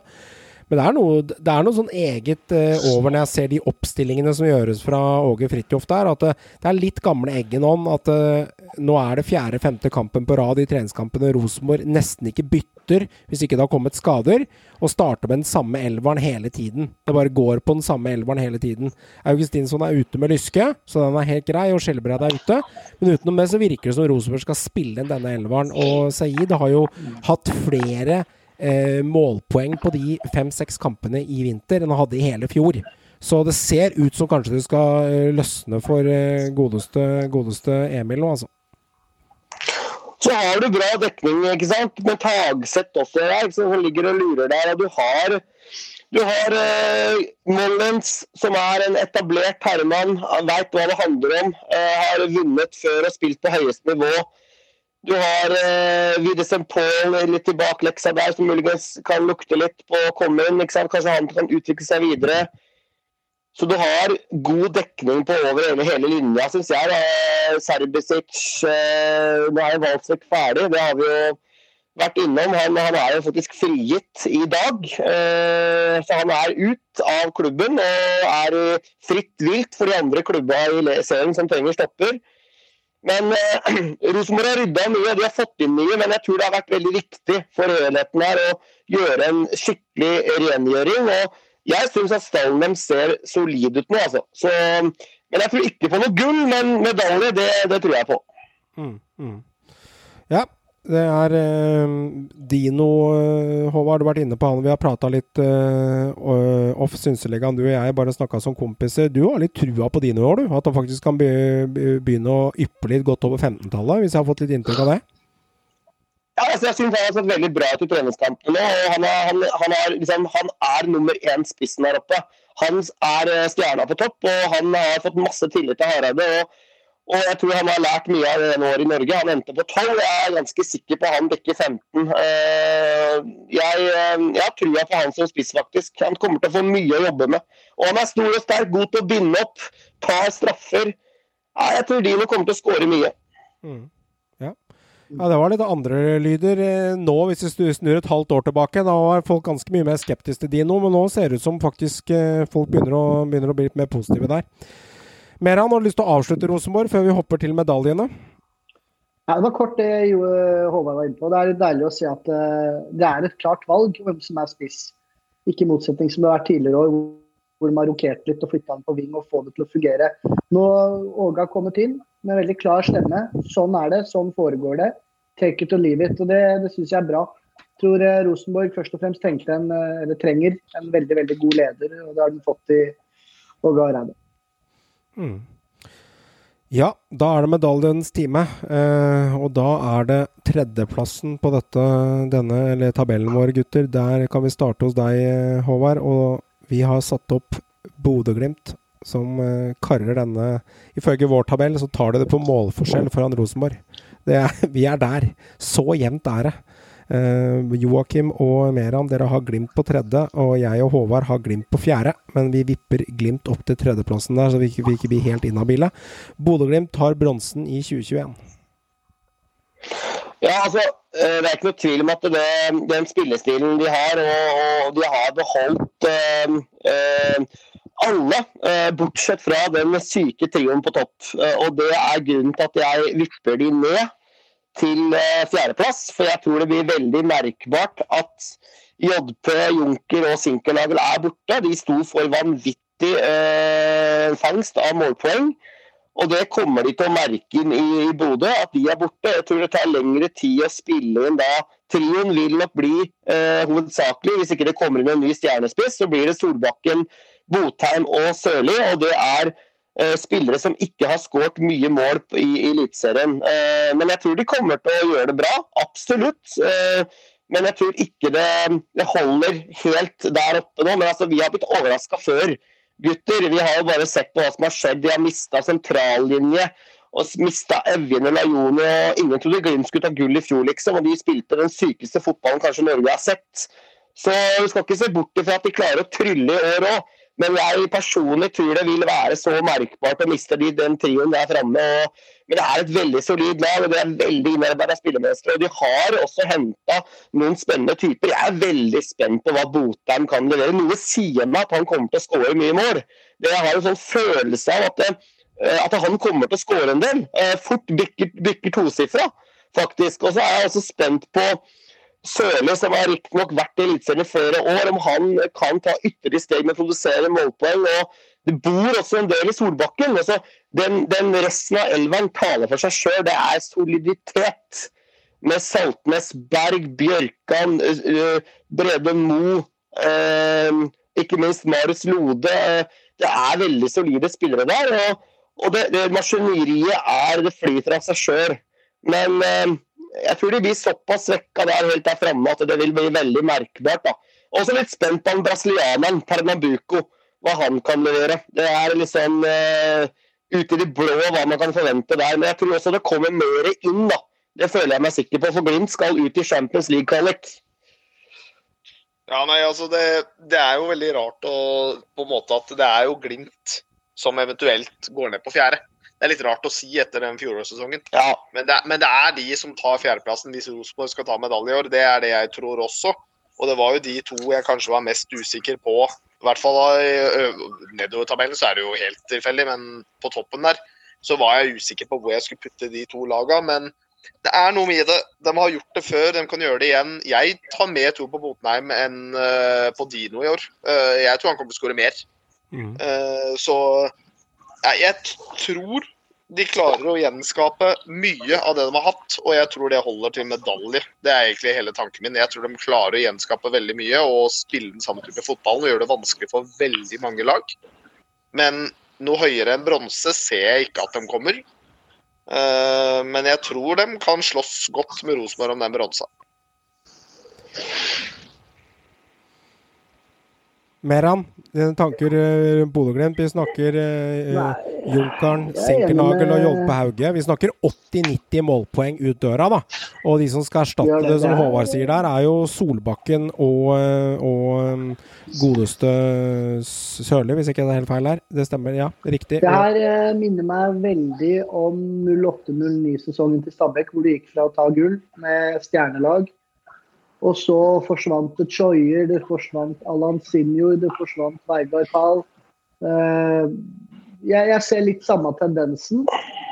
Og så har liksom de som har kommet inn uh, Jeg rangerer på en måte Botheim litt som da vi henta Espen Hoff. Det er, uh, det er, bra, liksom. Men det, det, det jeg, jeg har sagt det før, det er alltid vanskelig å repetere år nummer to. Altså etter å ha tatt seriegull. Det er veldig vanskelig den sesongen etterpå. Jeg tror det blir tøft for Glimt. Eh, greit de har beholdt stort sett hele laget utenom frontrekka, men det er frontrekka som er det essensielle der, da. Det er eh, jeg, tror blir, jeg tror det blir veldig tøft. Jeg tror de skal være veldig glad hvis de tar bransjen. Altså, bare for å komme sånn på det. Hvis ikke Bodø-Glimt får maskineriet sitt helt på stell, og målpoenga uteblir eh, Kampene i vinter har jo ikke sett akkurat helt rå ut heller. Eh, jeg vet at vi ikke skal legge for mye vekt på det, men la oss si de står og stanger litt. Er det mulig at Haugesund og Viking kan gå forbi de, og Bodø-Glimt kan havne på en sjette-sjuende i worst case? Jeg bare, bare, bare leker med tanken. Er, er det mulig? Botheim skårer ikke. Alt er mulig i fotball, jeg har ikke noe trua på det. Nei, du har ikke noe trua på det, men det er mulig. Ja. Ja, ja, det er, det er, helt mulig. Jeg ser det som mulig, hvis, i hvert fall hvis de ikke får angrepsrekka til å funke. Du lever av å skåre mål. Det er noe det òg. Bodø-Glimt i fjor, du må huske på at måten de vant kamper på, var fordi at folk blei redde for dem. De, de skårte mål. De skårte masse mål. Og det er klart, Da blir det jo med en gang litt sånn def defensiv, for du vet at da, hvis vi går all in nå, så får du to i sekken i løpet av 15 minutter, ikke sant? og så er kampen ferdig. Ja. Så de må få angrepsrekka til å funke, men det er klart de er ekstremt solide bakover og defensiv midt. Så nei, jeg tror det blir vanskelig at de havner utafor topp fire, men eh, det er klart, eh, selvfølgelig kan det skje. Jeg er spent på Hugo Vetlesen nå, om han kan ta videre steg. Eh, han slåss nok hovedsakelig over med Sondre Brunstad Fet om å spille på den, eh, den trioen på midten der. Eh, Saltnes og Berg er selvskrevne, men, men, Hugo er solid. Spennende å se om han tar ytterligere steg og kan spille seg inn i elver der. Så ja, litt spent på han nå. Det tror jeg han gjør. Jeg sitter også med sånn liten følelse som skal være nemesisen til Bodø-Glimt. Uh, ja, jeg har tippet de på fjerde, men tredje samlet som fellestabell. Vi er enig i den. Uh, men jeg sitter med en følelse av at det kan hende at de får mer trøkk mot seg i boksen i dette året her enn tidligere. Så jeg lurer litt. Jeg bare undres. Uh, ikke at jeg vet, men jeg bare lufter det litt opp i bingen her nå. Om vi får se om forsvaret til Bodø-Glimt eh, er så solid som de viste at de var i fjor. Det er bare et spørsmål jeg har til dere der. For at hvis de får trøkt seg enda mer eh, bak i, i forsvarsleddet og får en sånn blokk 16 på seg, at de rett og slett får så mye trøkk inn i 16-meteren, og da ender det litt med at det, får vi se hva Lode, Mo, Høybråten, Samsted og gutta bak der er laget av. For i fjor så føler jeg ikke at ja, De slapp ikke billig unna, men de styrte så mange av kampene at forsvarsrekka BH sjelden satt på de aller største prøvene i mange kamper de vant 5-6-7-1. Men i år så tror jeg det blir litt røffere når de møter lag som kanskje trøkker dem bakover. da. Det er en tanke jeg har om Bodø-Glimt i år, at de kan slite litt da. Men spillmessig så er det jo akkurat samme laget som er, altså laget som er bak og på midten. Så spillmessig tror jeg de kommer til å ha mye ball, men det er hele produksjon, produksjonen på topp som jeg tror det skorter på, da. For å være helt ærlig. Ja, det er mulig. Jeg bare har en tanke der om at hvis de andre lagene tar over litt mer av banespillet, og Viking og Haugesund og eh, Rosenborg og Enga og Molde Det er mange lag de møter der. En halv liga med ganske bra eh, ballspillere. Og så ender det med at de kan bli trøkt litt mer tilbake, og da begynner kanskje de resultatene å utebli litt, og forsvarsrekka deres kan begynne å eh, gleppe litt mer, da. Eh, det, er, det er bare mine tanker om at det kan være en liten nemesis hos Bodø-Glimt i år, som kan være fallgruven deres. Det er bare en liten varsko jeg har der. Men det Hva veit jeg? Dette er en synsetanke. Yes, Bodø-Glimt de tar denne bronsen, det gjør. Eh, så kommer vi til gull og sølv. Vi, vet du, Der var vi egentlig ikke så uenige. Eh, det var ganske greit hvem som skulle ta dette gullet, og vi kan jo starte på sølvet, altså gi gullet seg selv. Sølvet, folkens, det går til Vålerenga i 2021, og det er vel første gangen undertegnede også har tippa Vålerenga så høyt noen gang i en tabell. Jeg har satt dem på andreplass, og det har resten av sølamitten i gruppa her også gjort. Eh, og det er vel sånn at når folk utenfor Oslo øst begynner å ha trua på dem, da er presset stort. Så de skal levere dette her òg, for det er jo ikke bare bare å eh, diske opp med en sølv, for det er lenge siden mer han har blitt gjort på Oslo øst. Ja, men det er fullt fortjent òg, da. Det skal sies det er fullt fortjent at vi har tippa dem der vi har tippa dem òg. Mm. Nå har det vært mange år siden medalje, og det Fagermo gjorde i fjor ikke bare i troppen, men generelt i klubben òg. Og rundt ledelsen der. Jeg syns det er fenomenalt. For meg er de to år foran planen jeg hadde i hodet mitt for Vålinga, og det Fagermo skulle gjøre med Vålinga. Så jeg, jeg, er mektig imponert. Det må jeg si. Og så frykter jeg dem. Syns de har en jævlig sterk elver.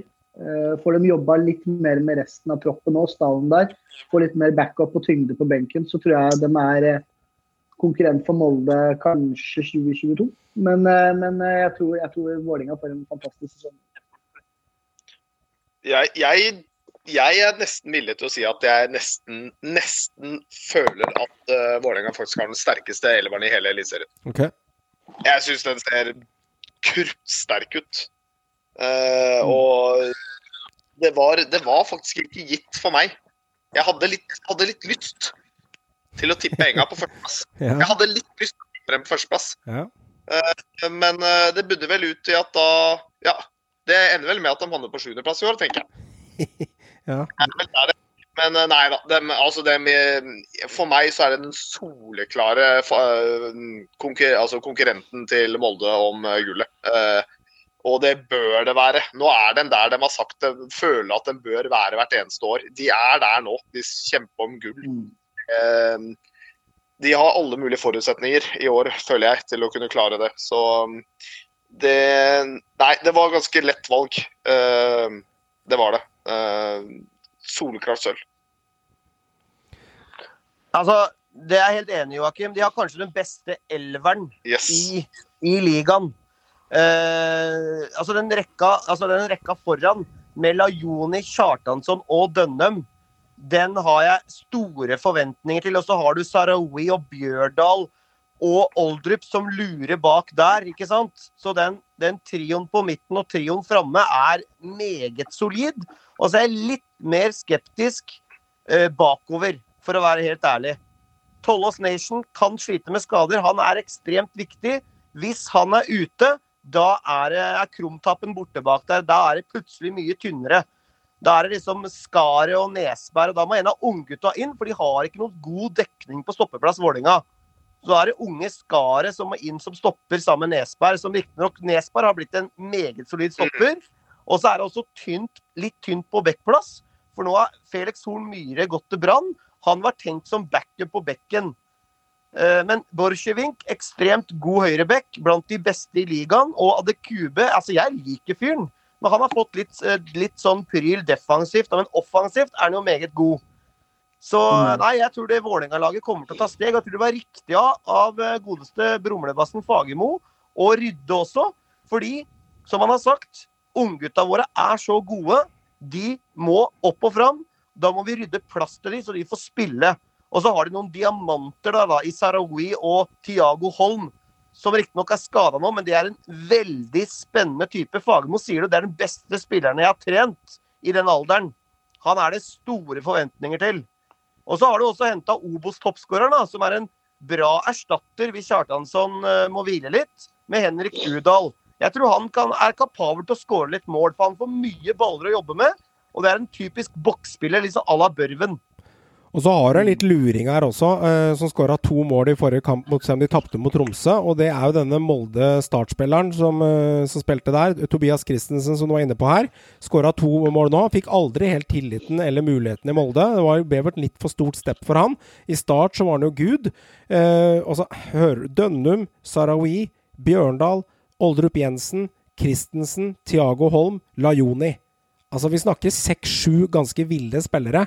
Eh, midtbanen deres er er, eh, eh, den, den, er, den er kruttsterk, og det er vel eh, Kruttsterk, ja. Ja, den er kruttsterk, og eh, Rosenborg skal slite med å ha like kontroll på den midtbanen som det Vålerenga har. Dette er en meget sterk midtbane, men jeg er enig med Håvard at jeg syns kanskje forsvaret deres eh, Borchgrevink, assistmann, Nesberg, tatt steg. Hadde Kudme litt rotete. Tollos Nation spilte faktisk 2000 minutter, Håvard, av 2600 minutter i fjor, så har holdt seg ganske skadefri i fjor. Eh, utenom det så er det litt hummer og kanadier ved Oppsal, Holme og Skaret som ikke jeg kjenner så godt til, og det er mye unge spillere som er uprøvd på dette nivået. Så Forsvaret er vel det eneste her som vi kan sette en liten uh, hake i kaffen på, for å si det sånn. Det er liksom bredden, på en måte. Fordi bak den vanvittige elveren så er det litt tynnere. Ja. Så hvis det kommer skader på viktige typer her, Ja. så vil de slite mer. Og det er jo Fagermo ganske tydelig på. Ja. At vi skulle ønske bredden var større og bedre. Men de, eh, de har vært tydelige på at vi, vi velger å prioritere de, de store navnene inn. De, de gutta som riktignok skal gå inn og forsterke laget tydelig. da og ikke på en måte fylle opp med kvalitetsspillere på benk. De vil heller gi plass til unggutta sine, som f.eks. også Sidi Jatta, da, som allerede kanskje får spilletid i år. Så han ønsker jo større bredde, Fagermo, men det har han ikke mulighet til nå. Men, men altså holder disse gutta seg skadefrie, og det maskineriet her, altså, det er bra. Det er et kvalitetslag. Eh, jeg skal like å se de, de laga som eh, skal klare å stå imot den offensive trioen der. Altså, det, det blir eh, spennende å se. Og første testen blir Rosenborg til uh, søndagen, så det, da får vi For se hva en start på for en sesongen, da. men, men tror du RBK. Hva hvis Vålerenga snapper opp Val eh, Valsvik der, som en grei backup? De har, om de har råd til det eller ikke, er vanskelig. Men, men er det helt håpløst de kanskje gjøre det, med tanke på at da får du en litt eh, bauta inn der som kan gå inn? Kanskje kan, kan han få spille fast, det er kanskje ikke det han ønsker, men eh, jeg veit ikke. Kunne det vært aktuelt for Enga å plukke opp han, nå som vi er så nærme sesongstart, og de trenger kanskje en ekstra spiller som midtstopper der, eh, Håvard? Tviler sterkt på det, fordi Mm. han har vært ganske tydelig på at eh, Skaret, som har tatt steg på lån, hans er liksom nummer tre der. Eh, De har også en annen unggutt som jeg ikke husker navnet på nå, som også er stopper nummer fire. Så de har fire stoppere i stallen, to unggutter, og da de etablerte med Tollås og Nesberg. Så eh, Fagermo han, han gjør Det er hold i orda hans. Han gir unggutta sjansen og utvikler dem. Så eh, nei, jeg syns det er bra hvordan de driver klubben og Vålerenga. Det kan ingen ta dem på. Og så drar jo ikke hele Valsvik drar ikke fra ro benken i Rosenborg for å sitte på benken i. Vålerenga. Altså, det, altså, han har jo sagt altså, Nei, det var en tanke, bare. Det var en tanke. målet hans er jo å komme seg til utlandet igjen. Eh, Det er klart, og det gjør du bare hvis du spiller fast. Jeg synes det var interessant, sånn som, eh, sånn som Fagermo snakka om eh, Tobias Christensen. Altså, han er så god. Og skal vi få noe ut av han, så må han få spilletid. Men han er jo ikke på en måte noe veldig klart valg i en elver i enga heller. Ikke sant? er sant. I mitt, mitt hode så er han klink benk. Hvem skal han danke ut der? Men poenget er at det her vil de rullere litt. Fordi eh, han må på en måte få brukt kvalitetene sine og få spilletid til å utvikle seg. For det er en solid spiller de har fått tak i der. Eh, Det kan godt hende at Molde vil angre seg litt hvis han slår til. Men det var ikke plass til den i Molde. Men akkurat nå er det ikke plass til den i Enga-elveren heller. Men eh, det er en solid henting, det òg. Det er det. Det er det. Dette Vålerenga-laget de skal slåss da med Bodø-Glimt og Rosenborg eh, og Molde. Fordi vi antar at de fire store her nå Det begynner å bli litt eh, gledens time. Det begynner å bli litt England-tendenser med de fire store laga som det går igjen. I Norge er det de fire store nå. Det er første gangen i hvert fall jeg og Håvard har fulgt med på 20-30 år. Eh, da vi kan snakke om fire lag som faktisk kan ende med å ta gull. For vi har tippet Molde som nummer én. Og før vi kommer til Molde, og vi skal starte hos deg, eh, starte deg Joakim, så er det egentlig sånn at eh, Molde er sånn, Ja, vi har tippet de som nummer én. Men måten jeg hører dere argumentere på, så er ikke det noe selvskrevenhet. For vi har et Oslo-lag i bakkant. Vi har Bodø-Glimt som jakter eh, å eh, fra å vise en rekordsesong i fjor. Og vi har eh, stolte Rosenborg som alltid er med å kødde når det gjelder med medaljer. Så det de store byene her er jo representert. Altså, for å si det sånn, i hvert fall to av dem. Trondheim og Oslo. Og det er litt gøy, da. Vi mangler egentlig bare Brann Brann og Bergen, Håvard og Stavanger. Og så begynner det å bli de fire store byene. Men uh, de Jeg tror vi må vente litt på Brann og Bergen. Jeg tror vi må vente litt på de noen år til, altså. vi venter vel de til neste århundre, tenker jeg. Men Molde, vi skal snakke litt om dem. Uh, vi, har, vi har snakket om at uh, de kommer til å få kamp til døra. Og ja, det er ikke noe selvskrevne at dette gullet havner i 2021 der, men vi har tippet dem der som nummer én. Og Joakim, vi kan starte hos deg. Ja, altså, vil også skyte igjen, Nå er jo faktisk Vikingen der oppe òg, ifølge våre, Ja, Ja. våre er vurderinger. Så det er Men det er et skille der mellom de fire store når, Ja, vi, når vi begynner å snakke, faktisk. Det er, er det. Eh, og av de fire, så eh, ja. Eh, men eh, Molde, nei. Altså, det går vel på altså, det går på jeg tror bredden nummer én. Eh, jeg mener fremdeles at jeg tror at Enga sannsynligvis har den sterkeste elveren i år. Jeg tror det. Jeg okay. tror den er bedre enn sin. Ok. Men Molde har mer eh, De har mer bredde, og de har bedre spillere bakhånd. Men de sliter litt med samme som Håvard var inne på i forhold til Enga. Det er det der eh, backupene bak i Forsvaret er ikke helt på liksom, kanskje der de nødvendigvis vil ha dem. Men jeg syns de rett og slett bare har en litt bredere tropp. En litt sterkere tropp all around. Eh, Men for meg så er det nesten det samme som Glimt av RBK. Det er eh, kron og mynt. Eh, Jeg tror mye her avhenger av hvordan lagene kommer i gang med sesongen, om de får, får flyten til å stemme. Men jeg tror Enga er nok mye mer utsatt for å bli litt, merkelig press. Og det er kanskje der hvor Molde har sin eh, liten forse også, i det at dette er et lag som er vant til å vinne, er vant til å være i toppen av tabellen, i hvert fall to øverste høyt oppe. Eh, Enga merker nok at de får dette litt sånn favorittstempelet. Om ikke helt favoritter, men liksom medaljestempelet på seg i år. Eh, Kan hende at de merker litt mer på det enn det Molde gjør. Ja. Eh, Så Molde tåler bedre en litt sånn haltende start, tror jeg, enn det Enga gjør. Jeg tror Enga må få en god start. De må komme i gang fort Skjønner. og begynne å samle poeng veldig fort. da. Mm. Så start mye å si. Når det gjelder bredde i eh, tropp, så mener jeg at det er ingen nesten som eh, altså Jeg mener at ingen kan sammenligne seg med Molde der, for der, der har de så stor dekning der kontra en norsk målestokk. Altså det Bare se på toppen, og så har de Oi, Dattero Fofana, den uh, juvelen på 18 år, og Bjørn Bergman Sigurdasson. Det er tre uh, spennende typer. Altså Bjørn Bergman, ja. Han er kanskje ikke helt der han var, men fortsatt en habil eliteseriespiller. Absolutt. Men jeg tror det ankepunktet jeg har på Molde, det er Magnus Wolff Eikrem. Hvilken forfatning er kroppen hans i? For han er så essensiell og viktig for det laget. Med, den, med det fotballhodet og den, eh, den eh, pasningsfoten hans. Altså, han er essensiell for det Molde-laget. Og så syns jeg også at eh, en spiller som kommer igjen fra glemselen, en, sånn- en sånn gledelig comeback da, med Eirik Ulland Andersen, som virkelig var solid i Europacupen nå eh, på nyåret. Altså En spiller som bare har gjenoppstått. Eh, han har jeg forventninger til, faktisk. Og så har du soliditet, da. Med Hussein, Aursnes, Ellingsen, Hestad, Holmgren Pedersen, som ser veldig Linde, bra ut på, på høyre Andreas Linde, beste keeperen i ligaen. Gregersen, landslagsstopper. Bjørnbakk, Sheriff Sinjan. Ikke sant? Du kan nevne i fleng. Det er solid over hele linja på Molde. Jeg er litt spent på den midtspissplassen om OI på en måte OI har vist det før. Men hvem er nummer én der oppe? Er det Datro? Er det Bjørn Bergman? Er det OI? Så liksom, jeg liksom samler en klar spiss nummer én, faktisk. Men så har du liksom Du har Bolly, du har Knutson, du har spillere som holder bra nivå, som er i backup også på kantene deres. Og ikke glem Brynjelsson. Han har gjort det veldig bra i, i vinter òg. Enig, ja, ikke minst Ola også. Selvfølgelig glemmer nesten Ola, ikke sant? Så det er, er Ola? det er mye solid, altså. Ola Brynildsen kan få en kjempesesong, det vet vi ikke noe om. Ja, da, han kan, Eh, han har kan ha vært bra i. Så har du Harald Seid, du har Kristoffer Haugen. Er du har mye solid, altså. Så det Molde-laget for meg er Birk Risa, ikke minst. Vi nevner i fleng, og det er soliditet over hele linja.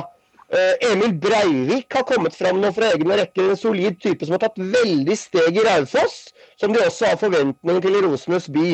Så for meg er det Molde eh, gullkandidat nummer én, altså. Men, Men så er det det, da. han må holde seg skadefri. Så er det det, da. Dette her høres jo veldig ut som akkurat samme måte vi snakka om Molde i fjor. Før sesongstart.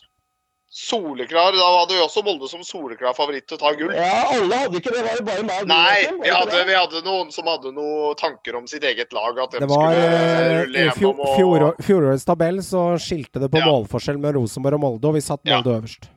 Men det laget som da vant, var jo det laget som hadde da den derre heslige fronttrioen som bøtta inn mål, som høres litt kjent ut nå i forhold til Vålerenga. En eh, eh, tre, treer i front som kommer til å bøtte inn mål med en solid eh, midtbane bak seg, som kanskje gir da den forsvars, forsvaret som kanskje ikke er helt 100% på eh, der de skal være. Litt mindre å jobbe med. Mm. Så nei, jeg, jeg, jeg tror dette kan bli jevnt. Altså, jeg tror ikke du får en Jeg tror ikke vi har en vinner av Eliteserien i, i eh, runde 26 i år. Nei. Det tror jeg ikke vi har. Det interessante her, da, er at du nevner jo det med Eikremen, at uh, han er så avhengig av han. For jeg har jo sett uh, Eikrem var litt sånn som statistikken med Kastrati, at når Kastrati ikke spiller, så vinner ikke KBK kamper. Og det er litt det samme vi har sett med Molde med Eikrem. Men det interessante er at han spilte 1600 minutter i fjor for Molde. Så lite har han ikke spilt på to sesonger før det, for det har vært mye skader med ankler, og kroppen har ikke føltes helt vel. Men bare smak på det. på 1600 minutter så legger han fortsatt syv skåringer og 15 assist. Han har 22 målpoeng på 1600 minutter, og vi følte egentlig i fjor at Eikrem ikke fikk det til helt. Men han leverer 22 målpoeng for laget sitt, så det sier litt han leverer jo, selv om vi ikke ser at han leverer. Og så viktig er han. Det er ergo det jeg mener at eh, hvis han blir borte for en periode, da, så er det rett og slett litt sånn at jeg nesten vipper Enga opp på gull, fordi han er så viktig. Men jeg skal ikke glemme de andre gutta her, altså, som jeg har nevnt i fleng nå. Det er kvalitet over hele linja på Molde. Og de er også, hvis det det. butter, skal vi ikke glemme, så har de også penger til å forsterke seg Det hvis det skulle butte. Det. Men, men det som er god lærdom da fra fjorårssesongen, er at resten av midtbanen, resten av laget, må steppe opp og regne med at de må ta større ansvar. De kan ikke lene seg på Eikrem. Det tror jeg var en stor lærepenge, i hvert fall vårparten i fjor. Eh, som jeg Ta Hestad f.eks. Jeg føler at han kan ta en enda større rolle igjen, spesielt når eh, Wolfen er ute. Så, så det er en lærdom de kan ta med seg for å utvikle seg enda, enda litt mer fra i fjor. Da. Mm. Jeg tror også en spiller som Sheriff Sinnan kommer til å ta steg. Jeg syns han har stått veldig Ja, ja. solid ut på starten av året. Jeg tror han kommer til å faktisk danke ut Bjørnbakk og bli eh, makkeren til Gregersen eh, på stoppeplass. Jeg syns Sheriff ser, han ser spennende ut. Han har mye kvaliteter som stopper. Spillende stopper, ekstremt god i lufta også. Molde var litt uheldig tidlig i fjor, for i fjor så hadde de jo fryktelig mye skader i forsvarsrekka de første sju-åtte matchene, før de kom ordentlig i gang. I år, I år er jo både Sinjan, Gregersen, Holmgren Pedersen, Bjørnbakk, Haugen og Risa eh, klar fra første skudd. Haraldseid sliter enda, og Kjølstad sliter enda, men de har jo en seks-sju ganske habile forsvarsspillere her, så det er en god bredde her, og det er lite skader akkurat nå. Eh, uheldigvis så er Eikrem ute enda pga. ankelskade. Uh, jeg er usikker hvor lenge den kommer til å være, eller om han kommer til å komme Vet du noe om det? Er det noen som har informasjon der? Jeg er litt usikker, faktisk. Men jeg er, ikke helt fit nå. Jeg sliter litt med, med, med ankelen. Så Men jeg så det generalprøven, så spilte Glimt og nettopp Molde 1-1 nå eh, i går. Så eh. Ja, det blir ikke, blir ikke Det er ikke bare bare, men Men eh, du har jo også mista Lekke James. Vi skal ikke glemme Lekke James, selv om han hadde en litt skuffende sesong. Men altså, jeg syns det er eh, Det er nok å velge, altså. Du, du har fortsatt mye kvalitet. Og Oli tror jeg kan faktisk kanskje gå mot et litt sånn Altså Han må på en måte levere noe, steppe opp litt igjen. OI han hadde en litt sånn skuffende sesong i fjor, selv om han skårte OK med mål. Det var jo tosifra, men eh, han forventer nok mer sjøl. Ja, det, det er jeg enig med deg. Det som er veldig viktig, da, da, blir, da må han bli satsa som spiss. Fordi Før han dro fra Stabæk og til Molde, så ble han også forespeila at han skulle være spiss. Det endte med at han sakte, men sikkert ble flytta mer og mer og mer og mer på den venstrekanten. Så han har jo, det er rart å si det, men han har vel egentlig aldri fått en hel sesong som spiss. Utenom halvveis til første, første sesongen. Så, så jeg, jeg veit ikke om vi skal regne med OI som spiss i år. Jeg mener han definitivt bør bli det, men det er jo en annen diskusjon igjen. Jeg tror kanskje du, du har så kvaliteter, da. og Fofana og Bjørn Bergman også, så men jeg, jeg, I mitt hue er kanskje Bjørn Bergman den som er på nummer tre der, altså. Eh, faktisk. Eh, Men dere er nevnte at det, styrken deres er jo at de har tre stykker. Men kan det også være litt sånn, eh, hvis du ser eh, Vålerenga har Kjartansson, Rosenborg har Dino, og Bodø-Glimt har Botheim. Dette er på en måte tre eh, sikre i hvert eh, midtspissledd. Men i ja, Botheim er nok ganske usikker, altså. ja, ja, men la oss si vi, ja, vi kjører Botheim i starten, da. Eh, I hvert fall, i hvert fall Kjartansson og Dino er ganske sikre, da. Det vil jeg si. De to er Ja. sikre på plassene i England og RBK. Men utenom det, er, kan, det være også Molde sin bane? Eh, Litt som Meran var inne på i fjor, at det, eh, nå må de sette en elver, og nå må de sette en fast spiss. At det kan komme litt skeivt ut, disse spissene. Eh, hvis Sigurd Andersson og OI og Fofana skal bytte på, og så kommer de aldri helt i gang på hvem de skal bruke, og så ender det til slutt at det, det kan bli litt eh, kuk i vellinga, for å bruke et stygt ord. da, At man klarer ikke å få satt x antall skåringer, og det kan skorte litt på resultatene. Altså rett og slett at mangfoldet av mange spisser kan bli et for stort luksusproblem. Altså det som Jeg tror er at jeg tror OI forventer mm. å være førstespiss. Ja. Eh, fordi han har liksom akseptert at han har hatt Leke James der. Han har akseptert å måtte på en måte være, spille litt rundt han Riktig. og være andrefull inntil Men jeg tror OI nå forventer at det er han som skal satse på som spiss. Og hvis han ikke blir satsa på nå, Ja. Og de velger da å satse på Bytte litt på, da. Eller, Bytte litt på. eh, og bytte på, da kan fort, tror jeg fort vekk OI kan bli litt sånn Jeg tror ikke nødvendigvis han vil synes det er så gøy, Nei. når han har vært der såpass lenge som han har vært nå. Da Da tror jeg ikke han har Ja, men jeg, jeg tror ikke han har lyst til det, da. Jeg Nei. tror han nå forventer han å være nummer én. Så det tror jeg faktisk er litt viktig for Molde. At jeg tror kanskje det er viktig for dem at Nettopp Glimt har jo lagt noen flere bud på spille. eh, OI også. Yes. Så det, Ikke sant? så det der kan være Ja. Det kan være en liten eh, akilleshæl, faktisk. En liten en. Ja, det kan være i hvert fall litt sånn grunnlag for litt, uh, litt uh, in, sånn intriger uh, inne i Molde, eh, med OI i, i midten. Hvis han Jeg nå tror- blir flytta ut på kant eller ikke får spille fast som spiss. Jeg tror også at Molde lærte mye i fjor, da, for det er nettopp det de gjorde feil store deler av fjoråretsesongen med å rullere for mye. Det lærte de av. Og på høsten eh, var de veldig solide med en mer satt elver. da. Eh, Molde var kjempegode på høstsesongen i fjor. De slo jo Glimt òg som eneste lag. Mm. Så eh, jeg tror de har lært litt Erling Moe og gjengen der oppe. Men selvfølgelig, du har tre spillere som vil spille. Fofana skjønner vel at han han er unggutt og på en måte må, må innfinne seg med innhopp, men Bjørn Bergman har aldri ikke kommet til Molde for å sitte på benk. Det har han ikke. Da blir tabellen Odd 8., Sarp 7., Haugesund 6., Viking 5., Rosenborg 4., Bodø-Glimt 3., Enga Oslo Stolthet tar sølvet, og Molde Rosenes by stikker av med gullet.